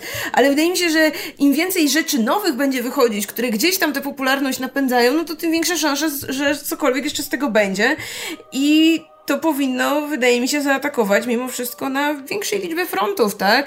No, że nie tylko, że jeden serial, ale może kilka, może właśnie i seriale, i filmy, może właśnie, może jeszcze jakieś książki, może niech inni autorzy mogą pisać książki z tego uniwersum, yy, może niech właśnie nie wiem, no właśnie jakieś ukazują się historie bardziej sfokusowane na jakiejś konkretnej grupie odbiorców, czy właśnie w jakichś już, nie wiem, innych troszkę gatunkach, czy coś, bo ten świat moim zdaniem ma ogromny potencjał, który jest w ogóle niewykorzystywany i z którym jest też trochę tak, że on nigdy nie był jakoś tak bardzo dokładnie i w spójny sposób zbudowany, to znaczy ten świat był, jakby funkcjonował w takim obrębie, jaki był potrzebny do opowiedzenia tej konkretnej historii.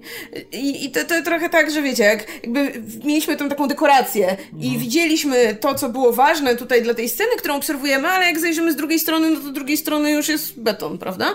No i tak jest trochę z tym światem Harry'ego Pottera, zwłaszcza no im dalej właśnie, im więcej znamy tych opowieści, im też właśnie to uniwersum się gdzieś tam rozszerzało nawet tymi jakimiś innymi, czy sztuką teatralną, czy później tymi właśnie filmami, to jakby tym więcej rzeczy gdzieś tam zaczynało nie pasować. Zaczynaliśmy sobie zadawać więcej pytań, na które nie było odpowiedzi. No bo po prostu no, te, odpowiedzi, te odpowiedzi nie były potrzebne w tej historii, którą pisała Rowling.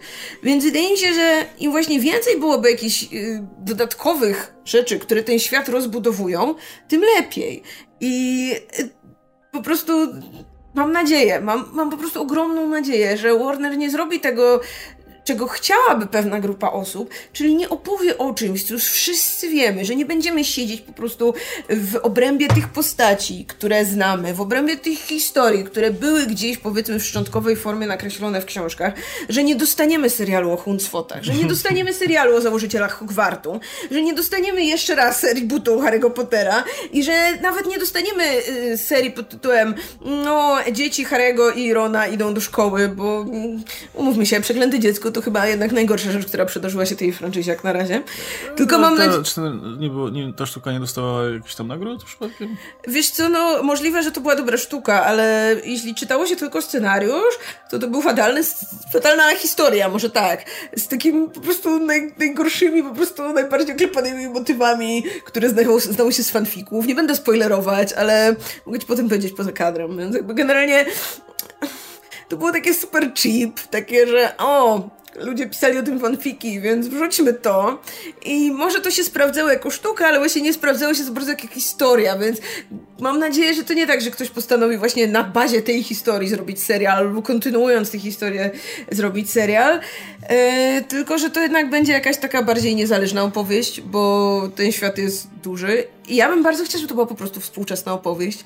No bo tak jak akcja Harry'ego Pottera działa się, no mniej więcej wtedy, jak te książki były pisane, czyli już z dzisiejszej perspektywy dosyć dawno, tak? Jakby świat współczesny mocno się zmienia. Zakładam, że świat czarodziejów również mocno się zmienia, więc ja bym chciała bardzo zobaczyć, jak to wygląda teraz, tak? Jak teraz, wiecie, w 2020 roku uczniowie, którzy urodzili się, nie wiem, właśnie w roku 2000 już pewnie, nie wiem, piątym, czy dziesiątym, czy którymś, idą do Hogwartu.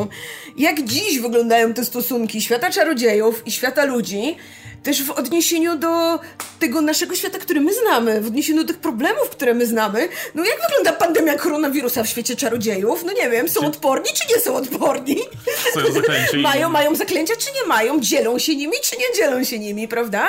Co, co Wielka Brytania z Unii wyszła? Może dlatego, że wiedzą już wszyscy tam, że tam są czarodzieje i chcą mieć swoją enklawę. Czy no nie Jakby- wiem, może ci Rowling na Twitterze odpisze. Bo... Nie chcę, żeby Rowling odpisała na Twitterze. Nie chcę, żeby Rowling jakby miała z tym zbyt wiele wspólnego mimo wszystko Ja już się dziś. dowiedziałem, jak, jak czarodzieje s- robią kupę i co się dzieje. No. Ja już nie chcę nigdy No nic właśnie, więcej. ja bym chciała, żeby może ktoś inny dostał tę możliwość, żeby napisać o tym świecie, żeby właśnie podejść do niego trochę inaczej, żeby może właśnie y, w historii serialowej móc się skupić też bardziej na tym świecie, na tych zależnościach, na tym, żeby to jakoś też fajnie pospinać, tak? Zastanowić się, jakie to ma długofalowe reperkusje, że mamy grupę młodych ludzi, którzy trafiają do tej odizolowanej społeczności i którzy potem, co, pracują w Ministerstwie Magii albo w szkole? Jak wygląda ich dalsze życie? Jak wygląda właśnie ich jakaś taka integracja z tym światem ludzi, zwłaszcza tych osób, które na przykład są z rodzin mugolskich, tak? Albo które są z rodzin mieszanych. I, i, i co? I, I później właśnie nikt nigdy nie ma żadnej normalnej No pracy? później masz Bewitched po prostu, w, w, dziejące się w wielu domach jednocześnie. Plus, właśnie wiecie, musi się, jakby nie może być tak, że to się w jakimś momencie też trochę nie zaczyna wydawać, że musi być jakaś grupa osób, która wie. Może to są te osoby w tych foliowych czapkach, które na razie mają tylko kanał na YouTubie i nikim nie wierzy, ale ktoś musi być na tropie tych czarodziejów, którzy gdzieś tam Po są. prostu wymazują pamięć. Za każdym razem jak zobaczysz coś, jakiś, jakąś magię czy coś takiego, to się pojawia czarodziej w takim garniturze i pstryka tym I- i po różdżką. Po prostu wiecie, jakby jest cała masa historii, które możemy powiedzieć. Możemy powiedzieć o nowym pokoleniu w Hogwarcie, możemy powiedzieć o pracownikach ministerstwa, możemy powiedzieć o właśnie, nie wiem, właśnie tych styku dwóch światów i tak dalej. No rób, tylko róbmy coś. Op- opowiedzmy cokolwiek. No właśnie dlatego przywołałem Star Wars, nie bez powodu, bo problem szczególnie tej trylogii ostatniej jest to, że ona budowała na tym, co już było, co starzy ludzie cenili sobie zawsze i lubili, a niekoniecznie to musi być atrakcyjne dla nowego pokolenia, nie? I ludzi, którzy dopiero wchodzą na przykład w, tę- w tę markę. I właśnie dlatego w tym kontekście wydaje mi się, że misją numer jeden dla, dla tej, tego pana, który będzie, będzie kierował tą marką, jest myślę skupienie się właśnie na tych nowych odbiorcach, bo ci starzy zostaną, no wiadomo, że jak pojawi się cokolwiek z Harry Potterem, to ci fani i tak zobaczą to, czy cokolwiek to będzie. A jednak, żeby, żeby ta marka przetrwała i żeby się dalej rozwijała przede wszystkim, no to potrzebne, potrzebne są no, nowy narybek, nowe pokolenie fanów.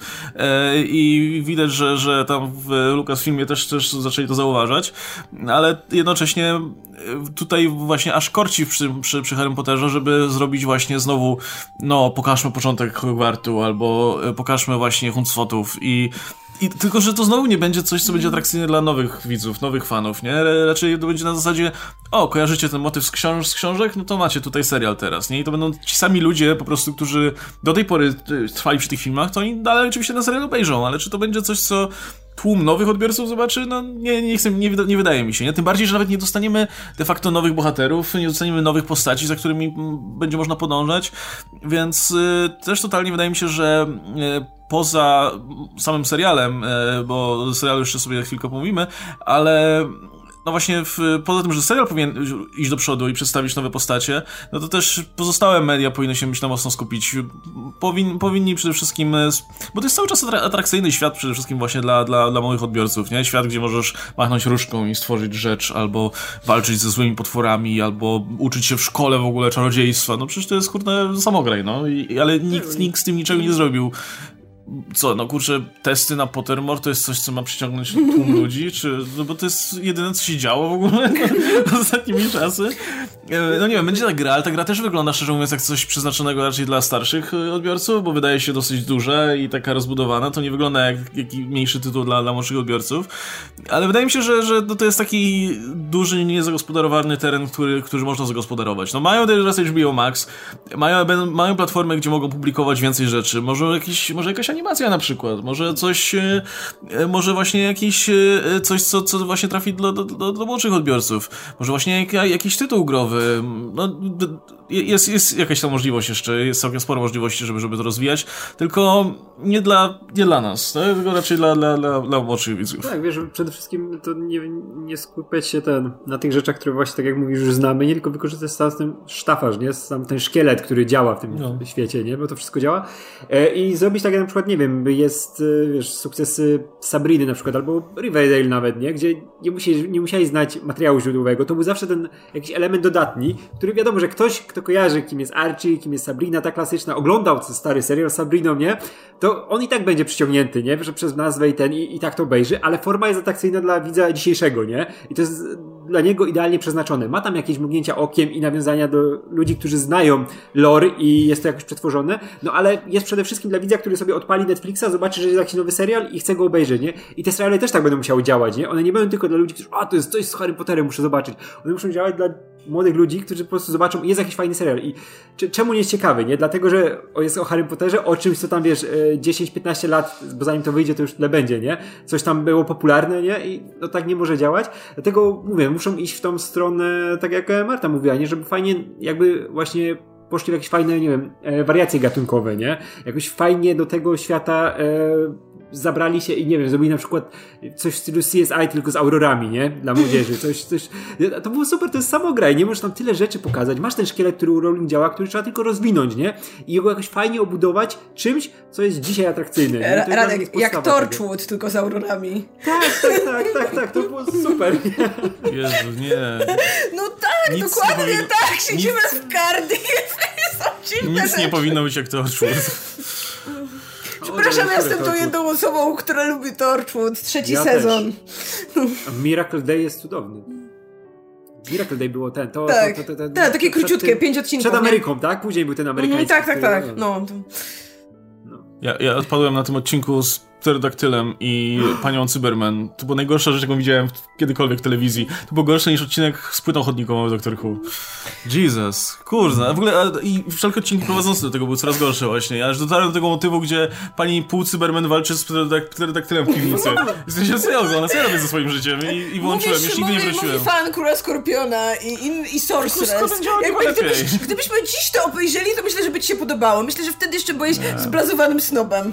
A dziś już jesteś wyluzowanym miłośnikiem badziewia. Jezu, nie. No, tak więc, e, no, tak więc zmierzam do tego, że e, w sumie to Radek mówił, ale nie wiem. Nie, to A to ty zmierzałeś akurat. ale ja zmierzałam. nie, ale w ogóle w ten pomysł z serialami, który miałby się dziać na przykład współcześnie jest, jest całkiem spoko. Tym bardziej, że jeszcze otwiera ci furtkę do tego, żeby faktycznie wykorzystać postacie, które, które, które znasz. Jakby nie opierać na nich serialu w żadnym wypadku, ale od czasu do czasu... Daj, dajcie ich w pilocie po prostu. Tylko żeby w trailerze się pojawił Daniel Radcliffe, tak? Bo dzisiaj już... Da, postarzyć go jeszcze troszeczkę, bo, bo już dzisiaj nie wygląda jak Harry Potter, ale jeszcze trochę go podstarzyć. E, dać tam jeszcze tego Ruperta Grinta. Grinta, jak on, cholera wie, jak on się nazywa. Dzisiejszego, tego, dzisiejszego, dzisiejszego Neville'a, bo on wygląda teraz tak, że wiesz, mógłby tam gołymi rękami te potwory mm. dusić, nie? Będzie nauczycielem WF-u w Hogwarcie dzisiaj. No. no ale, ale wiesz, Przecież, kurczę, to mówmy się, to nie są, to, to, to nie są pierwszoplanowi aktorzy nawet, więc, więc to, więc no Daniel ładne... Radcliffe najprędzej, tak? Jakby, no, on też nie, nie gra w jakichś, no, powiedzmy, blockbusterach, ale no ma Emma karierę. Watson, Emma tak? Watson grywała w blockbusterach, więc mm. pewnie ona by kosztowała najwięcej, mm. ale dla, dla Warnera myślę, że to by nie, nie był jakiś wielki problem. Ale wziąć ich po prostu do tego pilota, niech się pojawią w pilocie na chwilę po prostu i już ludzie będą mm. oglądać i wiecie, przyjdą, przyjdą zobaczyć z, z, znajome postacie, które być może kojarzą, ale, ale zostaną, miejmy nadzieję, dla nowych. To może być fajne przekazanie pałeczki i nie, nie, nie stałoby nic na przeszkodzie, żeby właśnie od czasu do czasu nawet pojawiała się jakaś postać z, z filmów, może, no, czy tam z książek. No, dziś większość jeszcze aktorów żyje, więc nawet powiedzmy, gdyby serial był osadzony w Hogwarcie, to nawet jakiś nauczyciel mógłby wrócić, mógłby Kurczę, się pojawić co... od czasu do czasu, bo większość tej obsady pewnie chętnie by zagrała no, w czymś. Ale ci, co nie żyją, grali postacie, które też nie żyją, więc...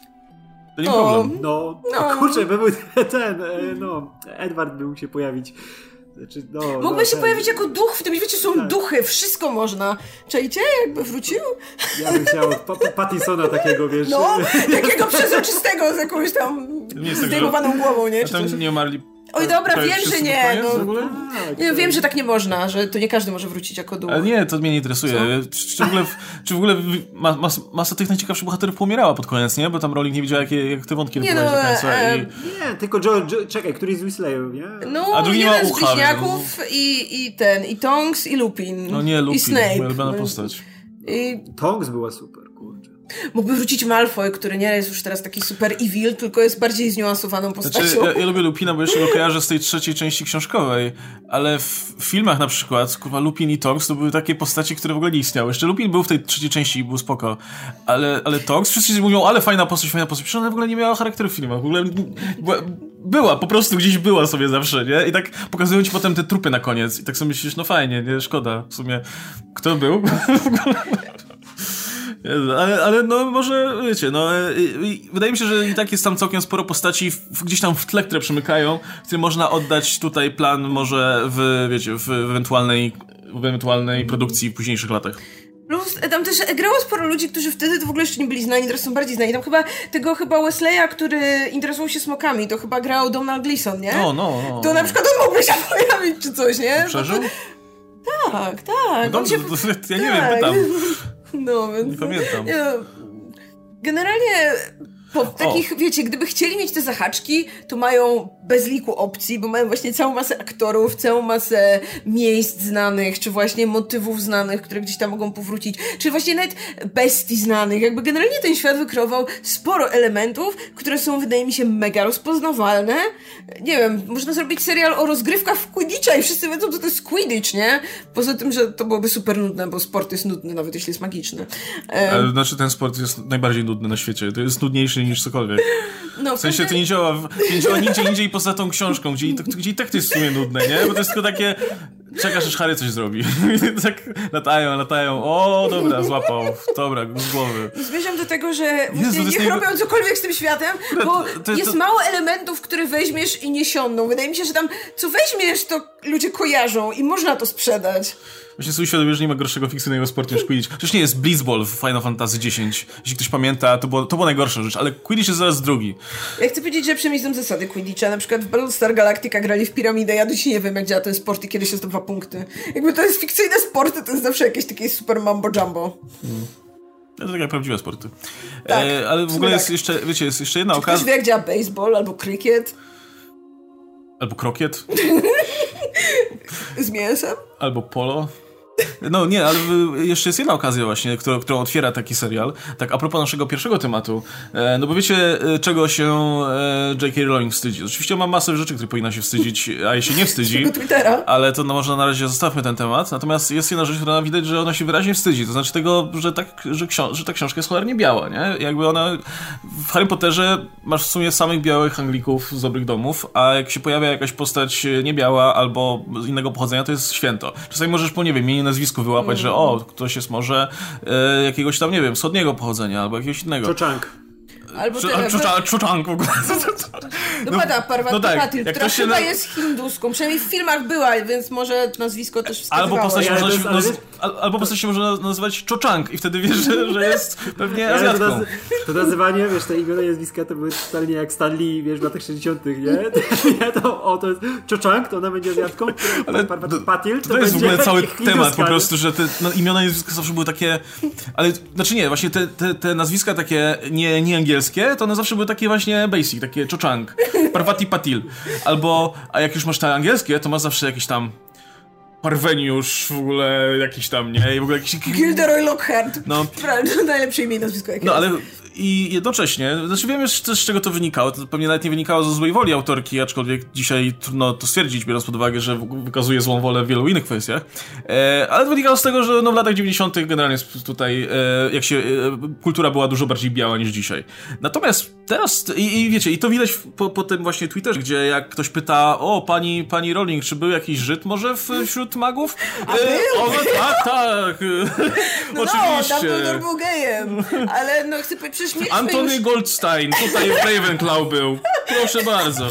przecież mieliśmy już właśnie w teatrze y, aktorkę czarnoskórą w roli starszej Hermiony i wtedy już był, była, jakby ta burza już przeszła, więc może jakby teraz zrobili taki numer, to już jakby by nie, nie nie, no wiem, żeby wróciła, wiem, ale żeby wiesz, wróciła, ale... ale... Jak, była, jak, było, jak była właśnie ta cze, cze, cze sprawa Czarnej Hermiony, to przecież Rowling jak Lwica broniła tego, nie? No tak, I jak tak, fani no. rzucili, nie? No to było... No, ale właśnie chodzi o to, że nawet niekoniecznie trzeba zmieniać wizerunek tym postaciom, które już znamy, ale wreszcie będzie okazja, żeby pokazać, wiecie, Hogwart jako te miejsce, gdzie są jakby ludzie z różnych, wyglądający w różny sposób, tak? I pochodzący z różnych tutaj miejsc. Ehm, tym, tym bardziej, że mówmy się, no, tych szkół czarodziejstwa nie jest aż tak znowu dużo, więc jakby to nie jest też tak, że w Hogwarcie uczą się tylko Anglicy najpewniej, nie? Może wszyscy czarnoskórzy uczniowie są w Bułgarii, Albo, no... w Albo, Durmystrangu. tak, albo w jakiejś afrykańskiej szkole, gdzie, jest taka szamańska magia tylko, nie? A to nie, Bo- nie, nic nie wiadomo, Ale to był była... zajebisty serial, jakbyśmy mieli taki, wiesz, szamańskie, szamańska Ale magia wszystko jest takie mega stereotypowe po prostu. Tak, masz, masz bębny tylko. masz tą szkołę z Nowego Orleanu i wszyscy wudu, kapłani po prostu, Ej, wiesz, z czaszkami na głowę. Ej, w ogóle były dwie szkoły, które jakby wprowadzono już nie, nie jeszcze w książkach, tylko już później w Pottermore, nie? Te takie amerykańska i jeszcze jakaś, już nie będą nawet. Ale były, były. Tak, też nie pamiętam nazwy, ale były na 100%. No. I ale było super, jakby dali jakiegoś czarodzieja, wiesz, który normalnie, nie wiem, są zajęcia z tego albo coś, że nie mamy tylko tego łopi m- m- różdżką, tylko wiesz, jakiś taki naprawdę... Taniec łup- deszczu. No, To nie aż tak, Co, rdzenny Amerykanin prowadzi. tak, tak. Oczywiście w puszczą i ten... Tak. To by było. Nie, nie idźmy w tę stronę. Nie, no oczywiście żartujemy sobie, ale, ale wydaje mi się, że to była właśnie do, była dobra okazja, żeby ten, wiecie, ten, ten świat Harry'ego Pottera, który no powstawał w latach 90. i został trochę w tych latach 90., mimo, mimo tutaj dy- desperackich prób e, udowodnienia nam przez Rowling, że, że wcale nie, że totalnie byli tam ludzie wszelkich nacji i wszelkich tutaj kolorów skóry i tak dalej.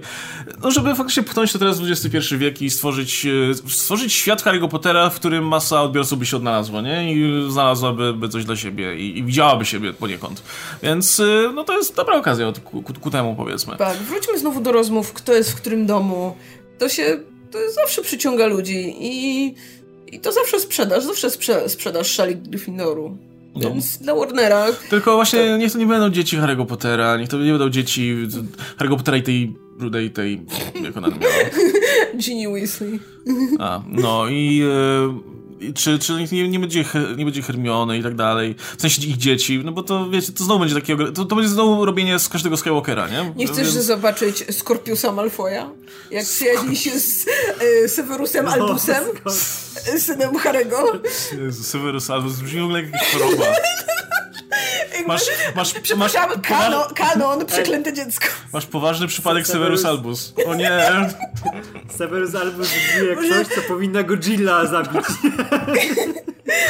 Boże, No, mam e, nadzieję, że, tego, że to zapomnimy o tym, że to było. no ale to, to można, słuchaj, no, to, tego są te- też takie serie, że można retkonować rzeczy, więc e, otwiera to sporo możliwości, nie? Więc miejmy nadzieję, że to nie będzie po prostu znowu czerpanie z tego, co już kiedyś było i kiedyś było fajnie i, i kiedyś to było i, i że to będzie jednak coś, co za, zainteresuje nowych odbiorców.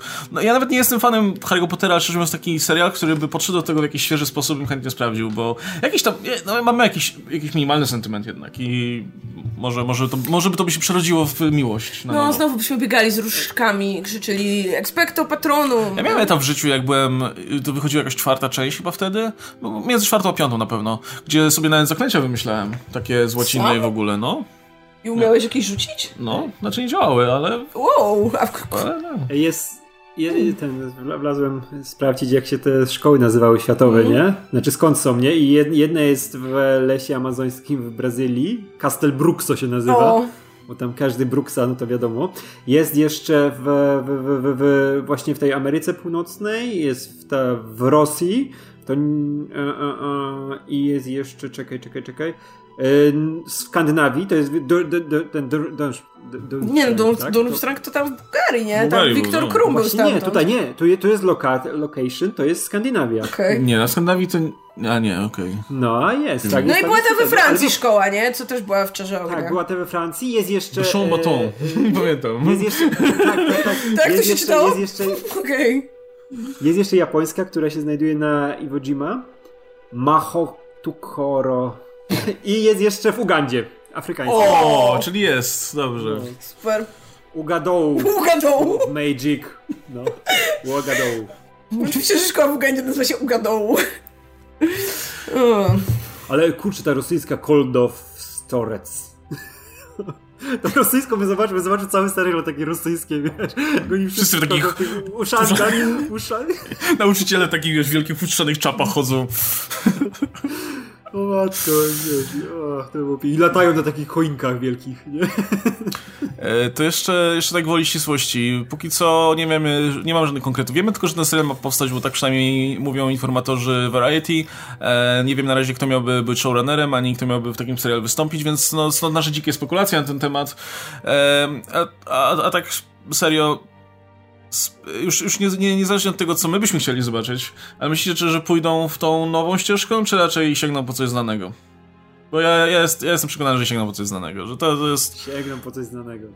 Ma, miałbym nadzieję mimo wszystko, że jeśli mają teraz nowego typa, który będzie się tym zajmował, no to podejmie tą jedyną słuszną decyzję i pójdzie z tym dalej, ale trochę się boję, że jednak uznają, że ekonomicznie przynajmniej na razie, szczególnie biorąc pod uwagę, wiecie, sytuację HBO Max, że oni jednak... Nie, wiecie, HBO Max nie obchodzi to, co tam musi się stać z marką Harry Potter. Jakby nie, oni za to nie odpowiadają, nie? Ich, oni odpowiadają za to, żeby ich serial się dobrze oglądał. I z ich, z ich perspektywy, a to jest na ich zamówienie pewnie, no to, na pewno, e, no to im bardziej bezpieczne to będzie, im bardziej to będzie znajome przez y, szeroki zakres tutaj odbiorców, tym lepiej. Więc jestem pewien, że ten serial będzie właśnie czymś w stylu o, tutaj Hogwart, ale 50 lat wcześniej, albo coś w tym guście, nie? Mnie się wydaje, że po, nie. Po, po tej głównej... Nie, bo po prostu, wiecie, jakby, jeśli chodzi o też seriale, które są, wydaje mi się, właśnie takie popularne na zasadzie, że dużo ludzi o tym mówi, dużo ludzi to ogląda i te seriale można pchać w wielosezonowość, to to są właśnie mimo wszystko chyba dalej te seriale takie raczej młodzieżowe.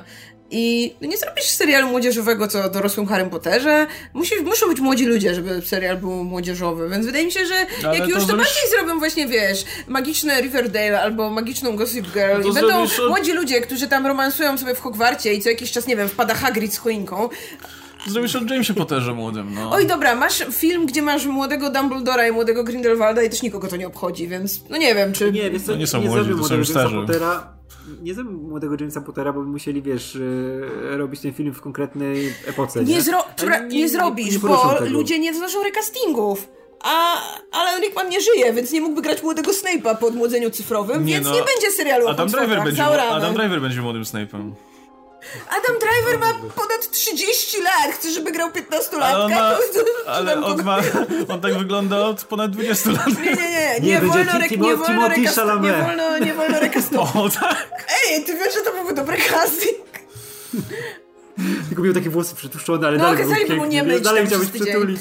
Nie, ale- Wiedziałbyś, że jak on płacze, to płacze tak, że musisz przytulić, nie? Nie, nie zrobię Huncfotów, bo by ludzie chcieli tych samych aktorów. Nie, nie siebie Ale tam, wiesz, by biegał Ares z wąsem jako młody Lupin. Nie, nie, nie. jako młody by był ten.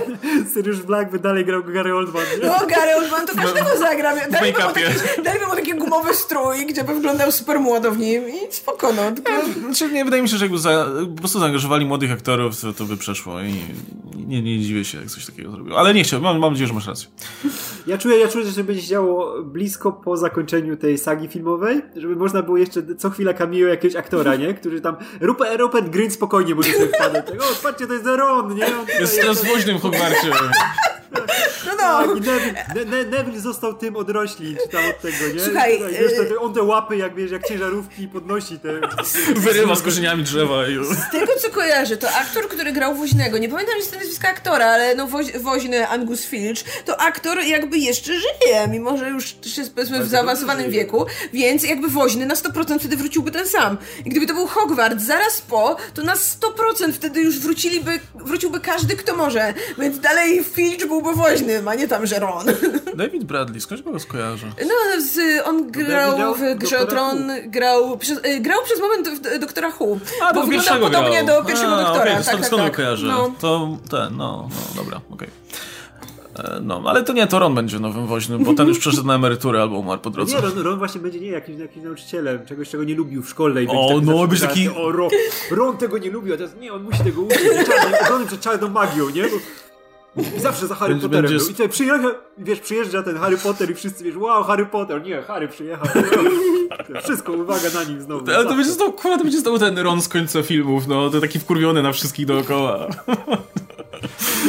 O Jezu, no dobra, no to, to no, ale to, to, to, tak by się skończyło. Myślę, że jakby że jeśli zrobią serial, który by się dział zaraz po wydarzeniach z filmów, e, a na pewno by się odnosili do filmów, nie, nie, robi, wiecie, nie robiliby serialu, który był kontynuacją książek, tylko filmów, no bo wiadomo, e, no to wrzucisz ich, całą trójkę wrzucisz do Hogwartu no, ale gdzieś. wtedy to by się musiało dziać w co? W 2000 dziesiątym roku, czy którymś, to musiałoby się dziać nie współcześnie już tak naprawdę, jeśli chcą, chcieliby się trzymać tamtej No to chronologii. to da- to I, to, i, to, I to by było idiotyczne. Ja nie chcę oglądać świata z takiego, co to ani nie jest dawny, ani nie jest współczesny. Ale Po, ja- po co to? ja nadzieję, co, co ciekawego opowiesz? Super, w ogóle wszyscy będą, ja mam nadzieję, że wszyscy będą wyglądać tak, jak ludzie wyglądali właśnie w latach 2000-2010.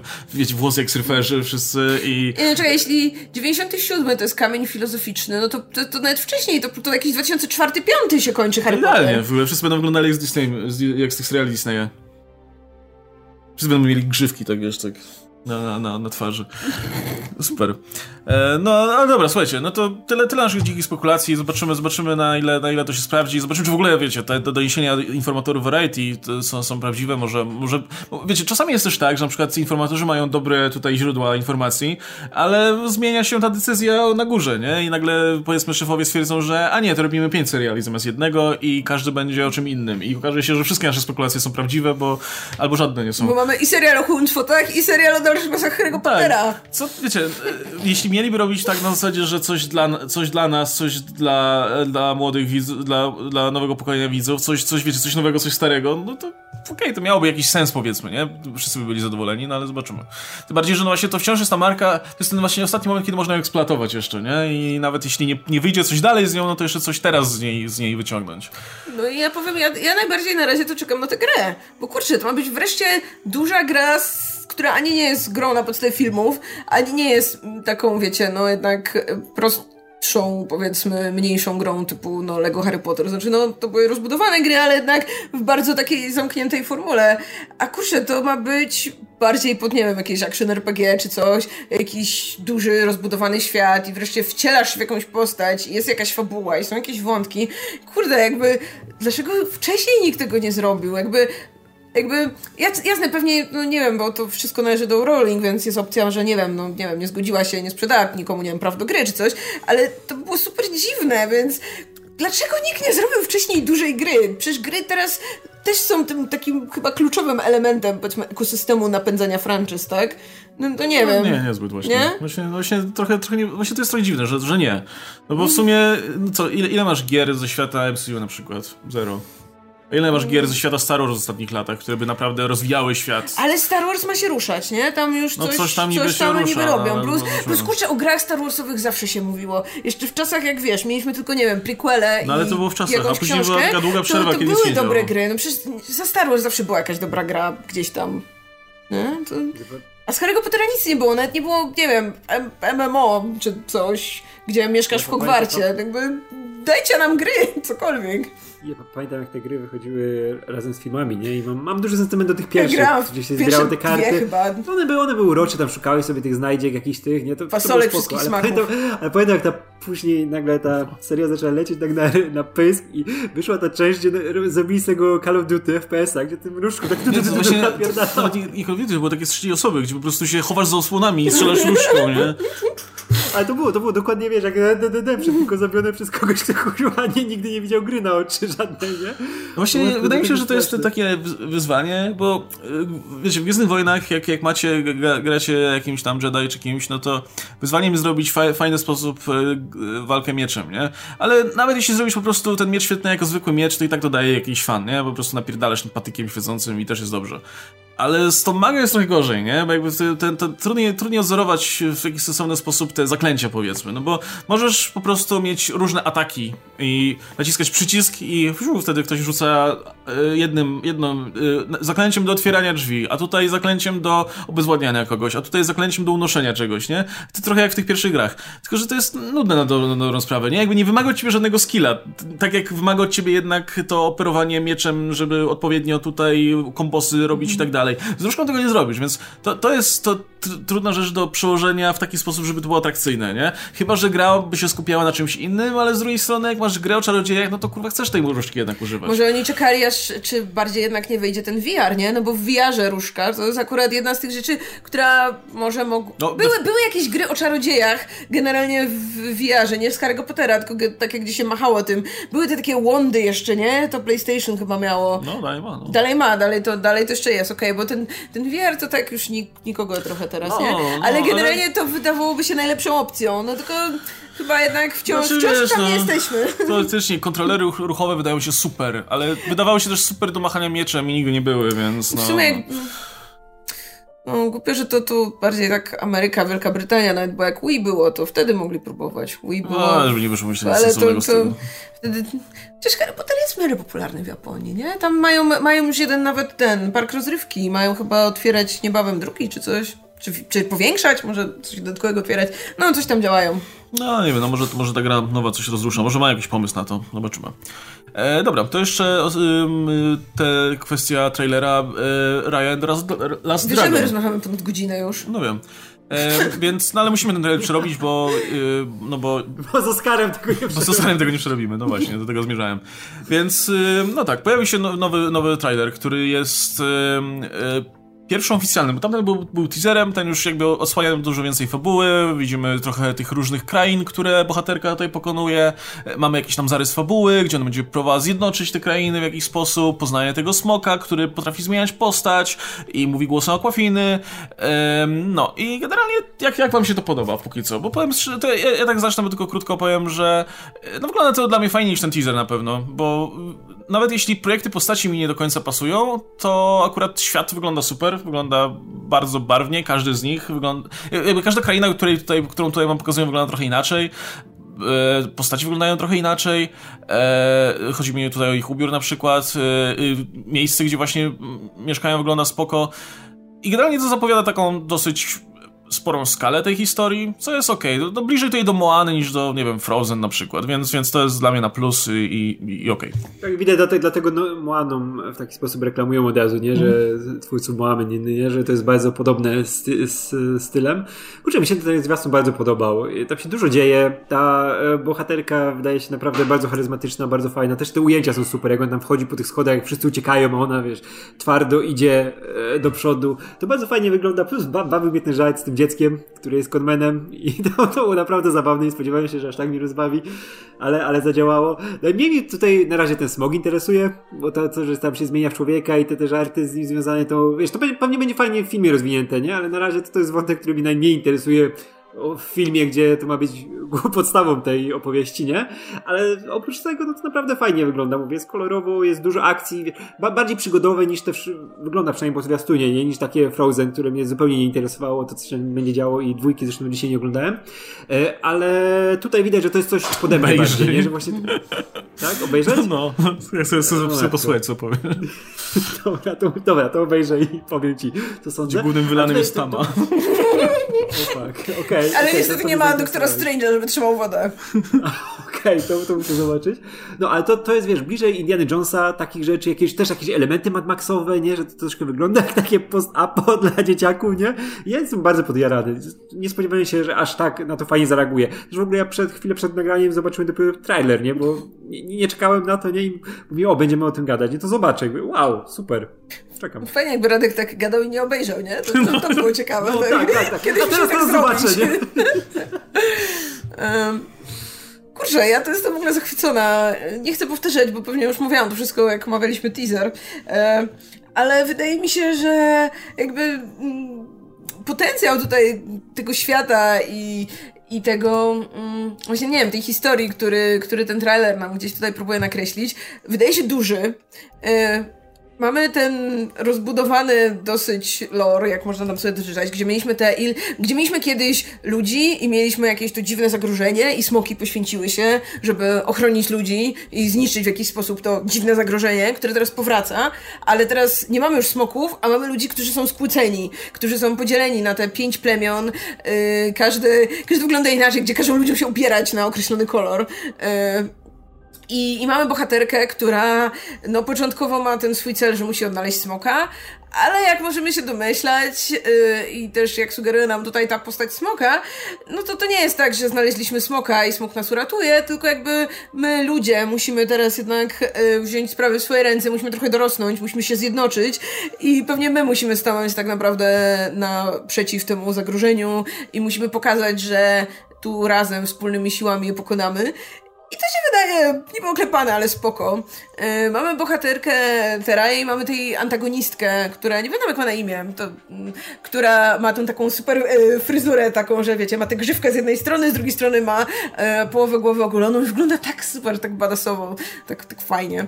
I, i pewnie, pewnie wiecie, ścigałem się trochę do tego smoka, do, czy tam do tego kryształu, który przywołuje smoka, czy jakkolwiek to będzie i walczą, ale obstawiam, że, że wiecie, to, to będzie jednak ta, powiedzmy, antagonistka na pół filmu, potem pewnie dziewczyny jakoś się dogadają i generalnie powiodą tutaj lud przeciwko głównemu zagrożeniu, no i, i, i to ma być ma, ma szansę być właśnie taka, wiecie, taka fajna, znowu przygodowa historia.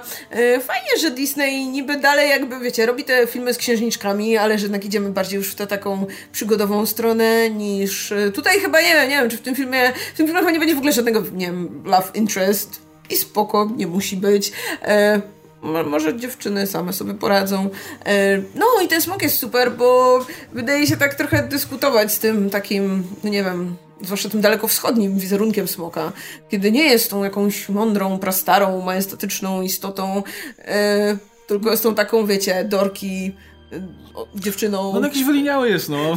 A, gdzie właśnie, wiecie, gdzie, gdzie ona została, gdzie, nie wiem, inne smoki odeszły, a tam ona spała czy coś i nie zabrały, e, czy coś w tym stylu. Yy, I i właśnie... Lubię to nawiązanie, nie? Do tego, że ona jest studentem, który się zawsze do, do, do projektu dołączał, nie była ocena dobra, ale wkład był, no, taki jaki był. E, to bohaterka się nazywa Namari. O, no kurze, ja, ja, jestem, ja jestem już fanką Namari mam nadzieję, że będzie super. Gemma Chan i podkłada głos. O, no, no. Fajnie, w ogóle, w ogóle fajna, fajna no, obsada głosowa No, w ogóle... Mm, nie, nie, nie, chcę powiedzieć, że nie, wiem, jak to odbierają, powiedzmy, ludzie, których może bardziej to dotyczy, ale mam wrażenie, że Disney trochę teraz próbuje. Um, zorientowali się w jakimś momencie, że kurde, mamy tyle tych filmów i bohaterek z różnych rejonów świata. A to, co z tą Azją, tą Azją tą daleką i stwierdzili, dobra, to wrzućmy, zmieńmy to w jednym filmie i będzie trochę Japonii, trochę Kambodży, trochę jakichś tam jeszcze innych, powiedzmy to wpływów kulturowych. No, jakaś y, Malezja. Tak, tak i, i widać taką właśnie dużą różnorodność i ciekawie to wygląda. Znaczy, mi się najbardziej podobają te ujęcia, które e, właśnie są takie najbardziej, powiedzmy, w tej takiej stylistyce japońskiej, gdzie mamy te liście czerwone i biały no, śnieżek. Czekają, zaczną i, skakać i te bohaterki ten... tak stoją z tymi tam mieczami naprzeciwko siebie i to jest takie, wiecie, Ghost of Tsushima vibe i, i fajnie. Tak czekamy, zaczną skakać po prostu po ścianach i, i wiesz, li, na linach, ale nie, niestety, może, może. Znaczy, no... Yy tak jak ten, no to wygląda, wygląda to bardzo fajnie, nie? Właśnie pod względem tych kolorów i tak dalej. Ja żałuję, że to nie jest live action, bo jednak live action na mnie robiło trochę większe wrażenie niż animacja, jak, jakkolwiek piękna by nie była. no, no to, to, dalej, dalej mam tylko ten zarzut do, do tych projektów, post znaczy projektów postaci, te ich mimiki i tak dalej, bo one wyglądają jak te takie stokowe postacie Disneya, E, w tych animacjach. A szkoda, kurczę, bo aż by się prosiło, żeby troszkę może bardziej te azjatyckie cechy uwydatnić, e, bo najbardziej w sumie, naj, jedyną postacią, która naprawdę wygląda tak azjatycko powiedzmy, to jest ten smok w ludzkiej postaci, co jest zabawne, bo w tej postaci smoczej w ogóle tak nie wygląda i w postaci ludzkiej wygląda jeszcze bardziej jak postać, znaczy postaci smoczej wygląda jeszcze bardziej jak postać Disneya z jakiegoś powodu, ma te wielkie oczy takie i ten taki pyszczek, który w ogóle e, nie, wygląda jak Elsa, no i, i to, to mnie strasznie dziwi, bo nawet jak się w człowieka, to, nie wygląda, to wygląda zupełnie inaczej i wygląda, wygląda super właśnie. E, no i to, to jest ten jeden dysonans, no i drugi dysonans jest właśnie taki, który, który mi akurat, znaczy inaczej, inaczej. Druga rzecz, która mnie zaskoczyła, to właśnie to, że ten smok wygląda tak mizernie i myślę, że to jest związane też z tym, że no, to jest ten smok, który w ogóle w siebie nie wierzy i ma ucieka od odpowiedzialności jakiejkolwiek. Podejrzewam, że ona z czasem będzie tutaj nabierać tych kolorków i będzie wyglądać jak ten smok, e, którego widzieliśmy w artworkach, ten taki z tymi fioletowymi jakimiś tam kolorami i tak dalej, z tą taką grzywą wielką i tak dalej. E, a jeśli nie, no to też spoko, no bo w sumie pasuje do postaci. To by było dziwne, gdyby wyglądała tak mega majestatycznie, a jednocześnie powiedziała, no sorry, ja tutaj jestem najgorszym smokiem. Nie, no to nie, nie, działałoby zupełnie. A może po prostu wszystkie smoki wyglądają tak w ten sposób, wodne smoki. A ludzie je przedstawiali po prostu tak majestatycznie, nie? No bo No. widzimy je tylko na jakichś tam, nie wiem, pracach ludzi. No ja bym po prostu jakby wszystko jest super, tylko bym chciał, żeby może coś pokombinować z tymi postaciami. Tym bardziej, że ostatnio oglądaliśmy e, Soul i to w ogóle nie... I, i Soul, mimo że generalnie no, też przedstawia postaci ludzkie w taki um, kreskówkowy sposób, to jednak wyglądał zupełnie inaczej, przez to, że, że te projekty były trochę, trochę inaczej z, z zaprojektowane, znaczy inaczej, trochę inaczej postaci były zaprojektowane, jakby one miały trochę inaczej uwydatnione różne cechy tutaj swojej e, tutaj budowy ciała czy, czy, czy, czy twarzy.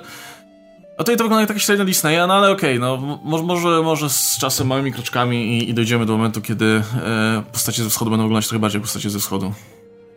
No, to, to też to zauważyłem, że one wyglądają to jak z tego generatora, nie? Gdzie się wrzuca zdjęcia i wychodzisz i wyglądasz jak e, bohater Pixara, nie? I, No i naj- właśnie najdziwniejsze jest też to, że to nawet nie musi być człowiek, nie? Bo jak patrzysz na tego smoka, no to postać Disneya.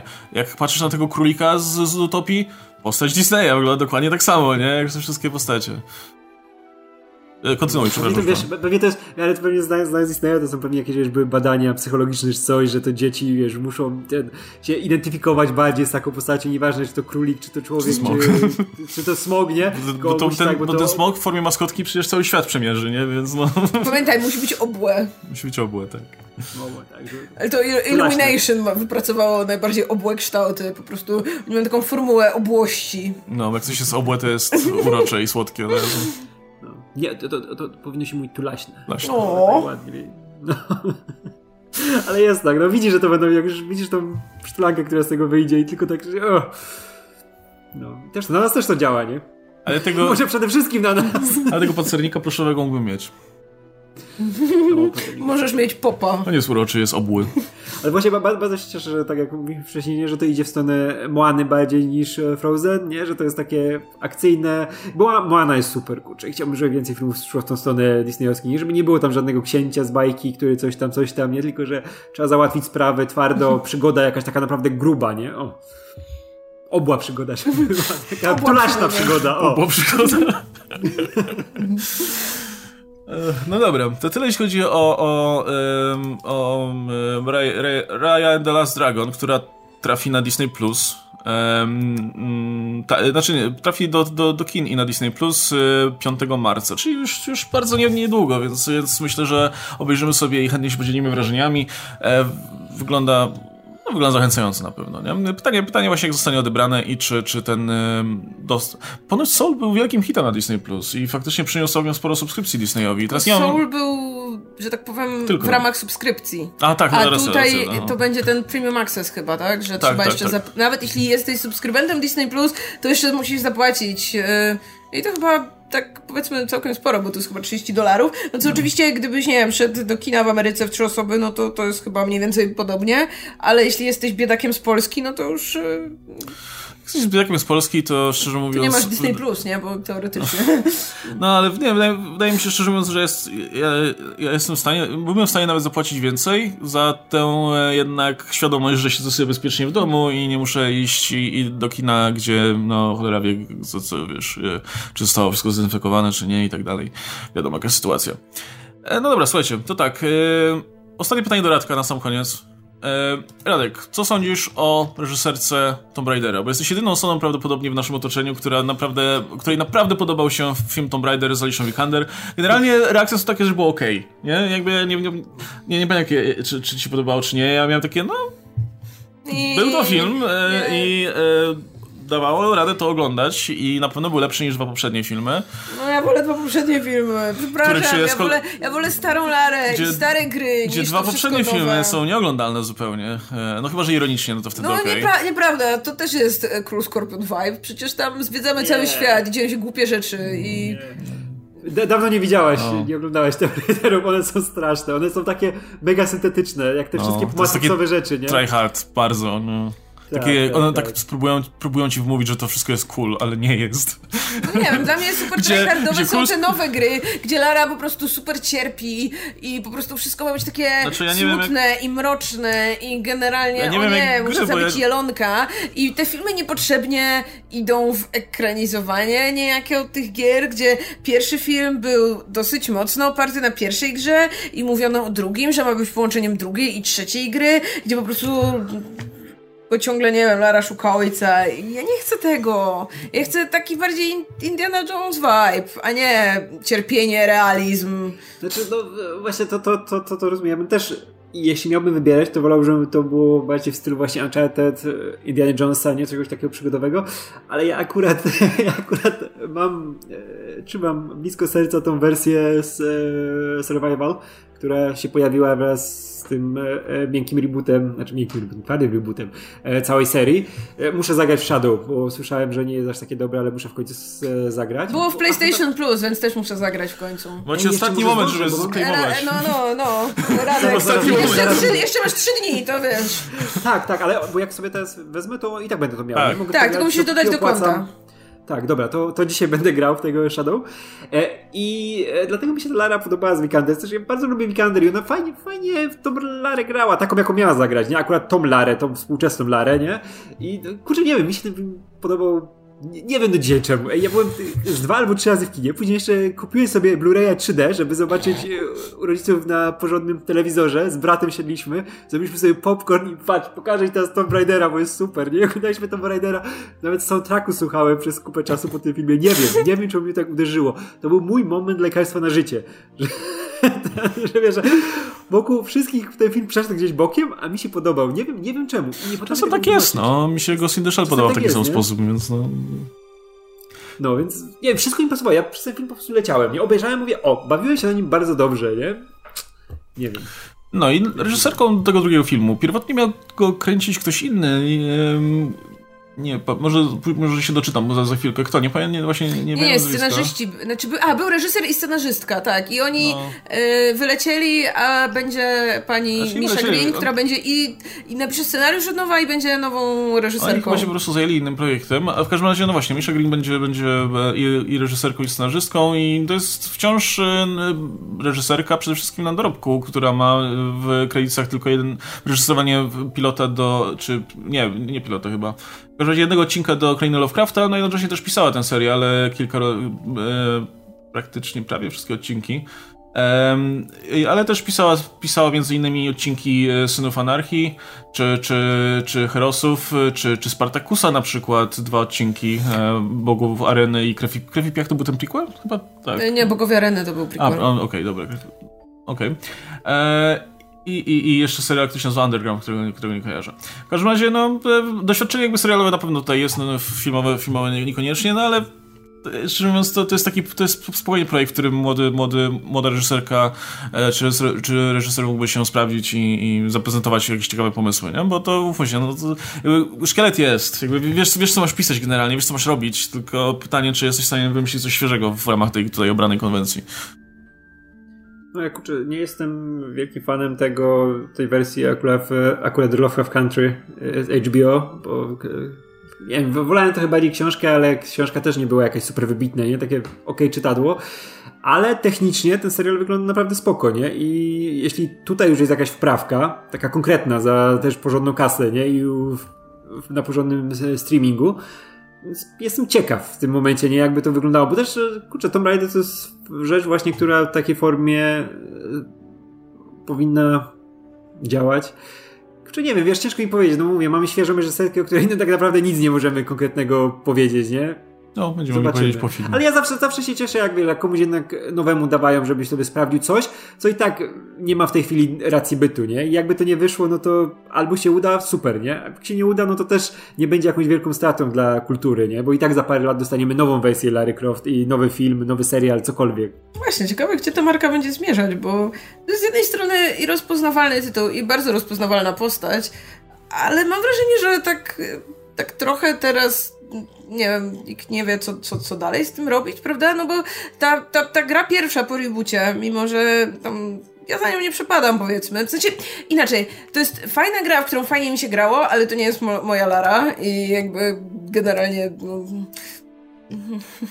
stare, stare, y, jakby powiedzmy poprzednia, poprzednia inkarnacja gier jest jakby tą moją ulubioną, ale jakby już nawet przy trzeciej grze to już nawet jakby fani, którym się podobała ta nowa Lara i ta, to jakby ta nowa konwencja, w jakim przedstawiają bohaterkę, to już raczej byli tak zmęczeni tematem, jakby naprawdę o tej trzeciej grze słyszałam bardzo chłodne opinie i mam wrażenie, że mm, już nie bardzo wiadomo, co dalej, jakby też tam pewien ten etap fabularnie no, też został wy, Wyczerpał się pomysł. Tak, jakby, no to już jest druga, jakby druga taka generalnie seria Tomb Raidera, którą robił tam Crystal Dynamics. Tej trzeciej części już chyba nawet oni nie robili, bo oni poszli robić co innego, to już robili jacyś tam ludzie z łapanki. Przepraszam, nie no, jakieś inne małe studio. Ale teraz w ogóle nawet nie wiadomo, co z grami będzie dalej, bo przy tym Shadow to pamiętam, że była taka w ogóle afera, że tam jeszcze było obiecane jakieś DLC z domem Lary, którego chyba nigdy nie wypuścili nawet. No tam generalnie rzeczy się działy i wiem, że nastroje wśród fanów są tak, teraz już nie, ale były tam te, za dwa lata temu takie raczej no, napięte. Więc jestem bardzo ciekawa, co dalej, no bo fajnie, że tam, nie wiem, za dwa lata będzie film. Pytanie, czy za dwa lata to w ogóle jeszcze będzie marką taką na językach kogokolwiek. Jeśli do tego czasu gry się jakoś nie odkują, no to czy kogoś będzie interesował film na podstawie tych gier, które były kiedyś i które skończyły, no powiedzmy tak sobie, no nie na jakiejś właśnie krzywej wznoszącej, tylko na raczej krzywej spadkowej, bo, bo też to może być w jakimś sensie problemem, jest... więc tym bardziej bym chciała, żeby właśnie nie trzymali się tych gier, niech właśnie, żeby poszli w taką trochę inną stronę, tak? Właśnie niech zostanie Alicia Vikander, która jest spoko aktorką, ale właśnie niech i dadzą tak trochę może bardziej tak na luzie coś tam zrobić, niż tylko ta Lara z tą taką napinką i ciągle coś wali jej się na głowę. Czy się wbija w ciało. No, niech sobie nie wyciąga rzeczy z ciała, no proszę, to, to tylko o to. O, ale to było i to, i to, o, ta, ta akcja na tym samolocie. I Alicia tam tak pięknie grała. Nie, te, nie wiem, te gry są tak dziwnie eksploatacyjne. Właśnie ja, ja, ja, grałem tylko w tą pierwszą część trochę, jak to testowałem się. Chwila próbują ktoś zgwałcić jeszcze w tej pierwszej części. To, to też, ale właśnie mnie najbardziej roz, rozbroiło to, że wszystkie sceny śmierci, jak tam wpadniesz w coś, albo potniesz się, albo coś, one są takie mega brutalne po prostu, wiesz. Fatality za każdym razem. Nie wiem, to się przybija na wylot w ogóle. Tak, tam są takie momenty jeszcze, to były jeszcze czasy, kiedy w każdej grze musiały być quick time eventy na cutscenkach. Więc tam są te fragmenty, jak ona na przykład leci na lotni, albo tam spada skądś i trzeba... Po prostu jak źle naciśniesz, to po prostu ona na drzewo się nabija. No. Albo jakieś takie w ogóle no, super drastyczne rzeczy się dzieją. I po co? Jakby... Nie wiem, widać, że faceci robili tę grę. No. Ja się cieszę, że akurat ta, ta, ta ostatnia gra y, dołowała i się coś nie udało, bo z tą serią jest tak, że zawsze jak jest ten moment załamania i takiego już naprawdę konkretnego, to później przychodzi coś fajnego, nie? Jakaś fajna rewitalizacja, jak było z Aniołem Ciemności i później, i wcześniej I było, później było była Legend, którą tak, i która była super. super nie? No. Tak, tak. I Underworld było bardzo fajne. I to był, to był, ten najlepszy okres, jak była tak, Legend, potem tak. była ta, ten remake jedynki, i później był Underworld, no to jakby... Tak, i to były trzy naprawdę super konkretne gry. Uwielbiam Jak do dzisiaj pamiętam scenę w Legend, jak się stoi w, Lepa, w Nepalu na górze i leci ta taka plemienna muzyka i sobie tylko można stać i słuchać i wszystko kocham w tej grze. E, I dlatego myślę, że teraz też będzie taki moment, nie, że ktoś będzie musiał wejść zupełnie nowym pomysłem, nie? Zupełnie, żeby przedstawić nowej generacji e, tych odbiorców, nie? Bo już nie możesz tego survivalu robić, bo tam już tak jak mówicie, było zupełnie, całkowicie do cna wykorzystane to, nie? To była coś ciekawego na moment, ale no nie możesz tego ciągnąć długo, nie? Zresztą tak jak było jakby właśnie te gry, które, gdzie próbowali nagle Lalę zmieniać po tej śmierci, w, e, nie? Gdzie były te, najpierw była ta część właśnie z jej wspomnieniami. Chronicles. ja lubię, lubię tak, Chronicles. Tak, tak. nikt nie lubi tej gry, mam wrażenie, ale ja ją lubię, to jest super no tak, ale to było takie, takie, takie właśnie best of podsumowanie. No, to było już takie, robimy coś... mamy ten silnik, wypuśćmy jeszcze, jeszcze jedną grę, jeszcze ktoś kupi. Ale, wiecie, ale, ale, zobacz, zobacz, jakie to było podobne, nie? Że wyszła ta właśnie Angels of Darkness, która, która była takim mega tryhardem. O Jezu, tak. No, ale wiesz, Pamiętasz, tam był ten taki typ, on się jakiś Kurt, Curtis, jakoś tak, że tak. nagle ktoś myślał, no na pewno w grze z Larą Croft będziesz chciał grać tym emotypem z grzywką. Nikt nie chciał. No to, to właśnie było tak na maksa dziwaczne i niepasujące do Lary, ale potem przyszły te fajne gry, nie? Teraz znowu poszło za bardzo w ten rok. No i myślę, że teraz pójdą, szczególnie, że mamy mieć zaraz Uncharted filmowe, mamy Indiana Jonesa mieć kolejnego, nie? No to, to jest dobry moment, żeby Larę też pokazać w tym świetle bardziej przygodowym, nie? Niż właśnie, że serwolowym. No i potem mogliby zrobić takie uniwersum filmowe tych postaci i potem taki crossover, gdzie na przykład Lara i, i, i Drake jadą na wspólną przygodę, nie? I, i są na pustyni no. czy coś. Ale to mogą spokojnie... Nie ten Drake, o którym myślisz. Nasz Drake! To. Fajnie mam nadzieję, że Uncharted się, że Uncharted się Wiecie, uda. Lara Croft i Drake, który rapuje na śmieciarce? To... Przepraszam. No. Ale mam nadzieję, że te Uncharted się uda. Y, filmy będą spoko i te postacie z gier z Uncharted inne, nie? Jak właśnie Chloe na przykład się pojawią w filmach i jakieś swoje miejsce dostaną. To by było super. To już jest Lara taka, tylko w wersji Unchartedowej, nie? E, to ja dodam jeszcze tylko, że właśnie no, film powstaje e, współprodukowany przez wytwórnię MGM, o której ostatnio było mowa, że nie radzi sobie zbyt dobrze i e, cały czas e, cały czas jest w trakcie sprzedaży, czy poszukiwania, no może nie sprzedaży, poszukiwania kupca może na, na, na tutaj niestety tej wytwórni, więc też pytanie, zanim dojdzie do tego filmu, czy się nie sprzedadzą komuś i nie jakieś Apple, czy Sony, czy ktokolwiek inny nie wykupi mar no marek Sony na przykład. niech kupi. Sony ma mieć ten swój streaming Ale i są... może będą rzeczy z gier. No to wtedy, wtedy w sumie chyba Sony robi Uncharted, no, no więc no. wtedy możecie się doczekać crossoveru, do, no nie? No może chociaż, chociaż pytanie właśnie... Nie no, so, myślę, że Sony nie kupiłoby marki tylko po to, żeby móc sobie zrobić film, skoro nie mogliby zrobić gry, no bo gry są kogoś zupełnie innego. Szczególnie, że będą, szczególnie, że będą mieli swój film w tym stylu, nie? E, I w ogóle mamy całkiem sporo filmów w, w swoim, znaczy w najbli- zaplanowanych na najbliższy czas, bo nowy film Paula Thomasa Andersona na przykład, e, jakiś projekty Gucci e, Ridleya Scotta z Lady Gaga i Adamem Driverem, wow, nowy film okay. Rona Howarda, Legalna Blondynka 3, E, napisana w ogóle przez Mindy Kaling, więc to autentycznie sprawia, że, że chętnie zobaczę. E, nowy film George'a Millera, 3000 Years of Longing, ten, który jest chyba w produkcji od, nie wiem, 100 lat. Czy e, jeżdżą w nim po pustyni? E, nie. E, nowy film Chrisa Lorda i Phila Millera, e, adaptacja, e, znaczy inna, kolejna adaptacja Andy'ego Weira. Tak. Oj, ta książka była strasznie słaba. Z Ryanem Goslingiem w ogóle w obsadzie. Tylko oni mogą naprawić to, co tam... Czego tu nie ma, Jezu. E, no i to jest generalnie y, cała lista rzeczy, które, które wytwórnia ma w, ma w planach. Jakiś film z Frances McDormand, która pewnie dostanie Oscara w tym roku. Kolejnego. Także no ciekawie będzie, jeśli ktoś, jeśli ktoś faktycznie wykupi tę, tę wytwórnię i dostanie to wszystko po prostu w, w spadku i będzie musiał tym... Oni jeszcze Może mają... Disney? Disney nie chce kupić? Disney ma pieniądze na takie rzeczy. No, co to... No. Jeśli, jeśli w kogoś, wiesz, ta pandemia uderzyła mocno, to właśnie w Disneya, gdzie jednak no, parki rozrywki to było pewnie duża część jednak, ogromna większość ich, ich przychodów, nie? Więc, Ale no... zarobili na Baby Yodzie i merchu. Tak, i na Soul, więc no. No, no ale to, to słuchajcie, to było na tyle. E, no, pogadaliśmy sobie tak o różnych rzeczach luźno. I będzie jeszcze serialowa adaptacja na Netflixie. A, Tomb Raidera, no. Tak, faktycznie. więc y, może tam będzie coś fajnego. To to ma być ta w wersji anime, nie? No ale takim chyba anime zachodnim, Takim nie? amerykanizowano. Mm. Znaczy, w ogóle, czy, czy, czy, czemu czemuś nie było oburzenia, że Netflix nazywa anime rzeczy, które nie są robione w Japonii? No bo czasem, nie no, chyba, chyba częściowo tam zawsze robił jakieś japońskie studia. Nie, pamiętam, oglądaliśmy to ich jedno anime.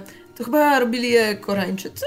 Nie pamiętam. Nie, no, I no, Grecy. Zawsze stosują jakieś Oni, wiesz, oni oni, oni to ukrywają, bo oni, wiesz, y, skupują dużo tych anime, wydają, wiesz, po swojej znaczki, każdy później myśli, wiesz, właśnie jakieś Dorohedoro czy coś, super rzeczy, nie? To, że o, to jest Netflixowe, nie? A to, to, to nie, tak, nie, nie do końca Netflixowe.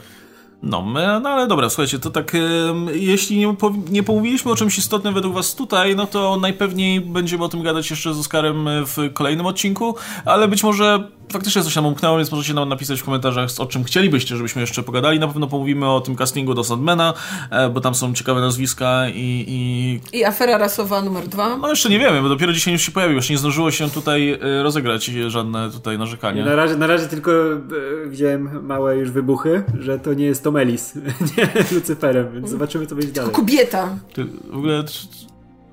Dobra, nie gadajmy o tym tu, bo tych, pogadacie o tym jutro. Jezu, tych Lucyferów było tak dużo, więc... E, właśnie ja bym chciał jeszcze tylko sprostować jedną rzecz, że to zwierzątko, które tam biega z raju, no to, to nie jest pancernik de facto, tylko oczywiście tylko takie zwierzątko, które szumi na pancernika. To jest taki duży, duży, duży owad z gatunku Onistidea, więc y, to tak dla purystów y, biologicznych.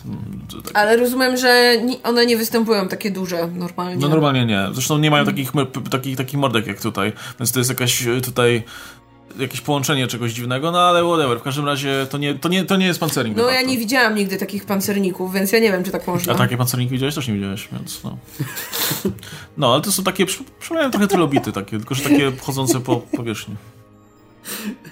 Radek przekroczył punkt krytyczny, więc musimy kończyć. Ja gdzie... A widziałeś takie pancerniki? A co by Tolkien na to powiedział, gdyby zobaczył takiego pancernika? No, kurczę, nie było takiego Tolkiena. Zobacz, zobacz tego, jak się rozwija. Kończymy. kończymy. No, kończymy. Dobra, słuchajcie, także, także pogadamy jeszcze o innych rzeczach, o HBO Max i tak dalej już w kolejnym odcinku, a tutaj się z wami żegnamy i da, oczywiście czekam na wasze komentarze na, na temat trailera, na temat y, tutaj y, planów odnośnie Harry'ego Pottera. Wiem, że jest tu sporo fanów y, właśnie y, Potteromaniaków, którzy chętnie się wypowiedzą y, i, jesteśmy ciekawi właśnie Potterheads. jakie... Szczególnie, szczególnie właśnie jeśli, jeśli jesteście młodsi od nas, y, to, to, ja, to jak wam się podoba to, co się dzieje generalnie ze światem Harry'ego Pottera, czy co, co byście chcieli zobaczyć właśnie, to, jest, to nam dużo powie też, jak będziemy sobie komentować kolejne rzeczy związane z tym światem, bo wiecie, no mamy już trochę spojrzenie właśnie tych starych ludzi, którzy już widzieli wszystko. Więc no. Była z nami oczywiście Marta Najman, Radek Pisula, się Łukasz Stelmach. Jeśli macie jakieś pytania do nas, to możecie nam je zadawać w formie tipów, napisy końcowe.pl, ukośnik hajs, macie link w opisie. E, a my widzimy się w kolejnych odcinkach. Oczywiście w poniedziałek omówienie WandaVision kolejne. Mam nadzieję, że będzie coś, coś, coś nowego w tym serialu, ale trailer zapowiada coś nowego, więc się jaram troszkę. A pewnie w, właśnie w sobotę albo we wtorek, e, no chyba, że na przykład pojawi się coś dużego, no to wtedy dokleimy te rzeczy do kolejnego odcinka, zobaczymy. No, e, to, to by było tyle. Żegnamy się, trzymajcie się. Cześć.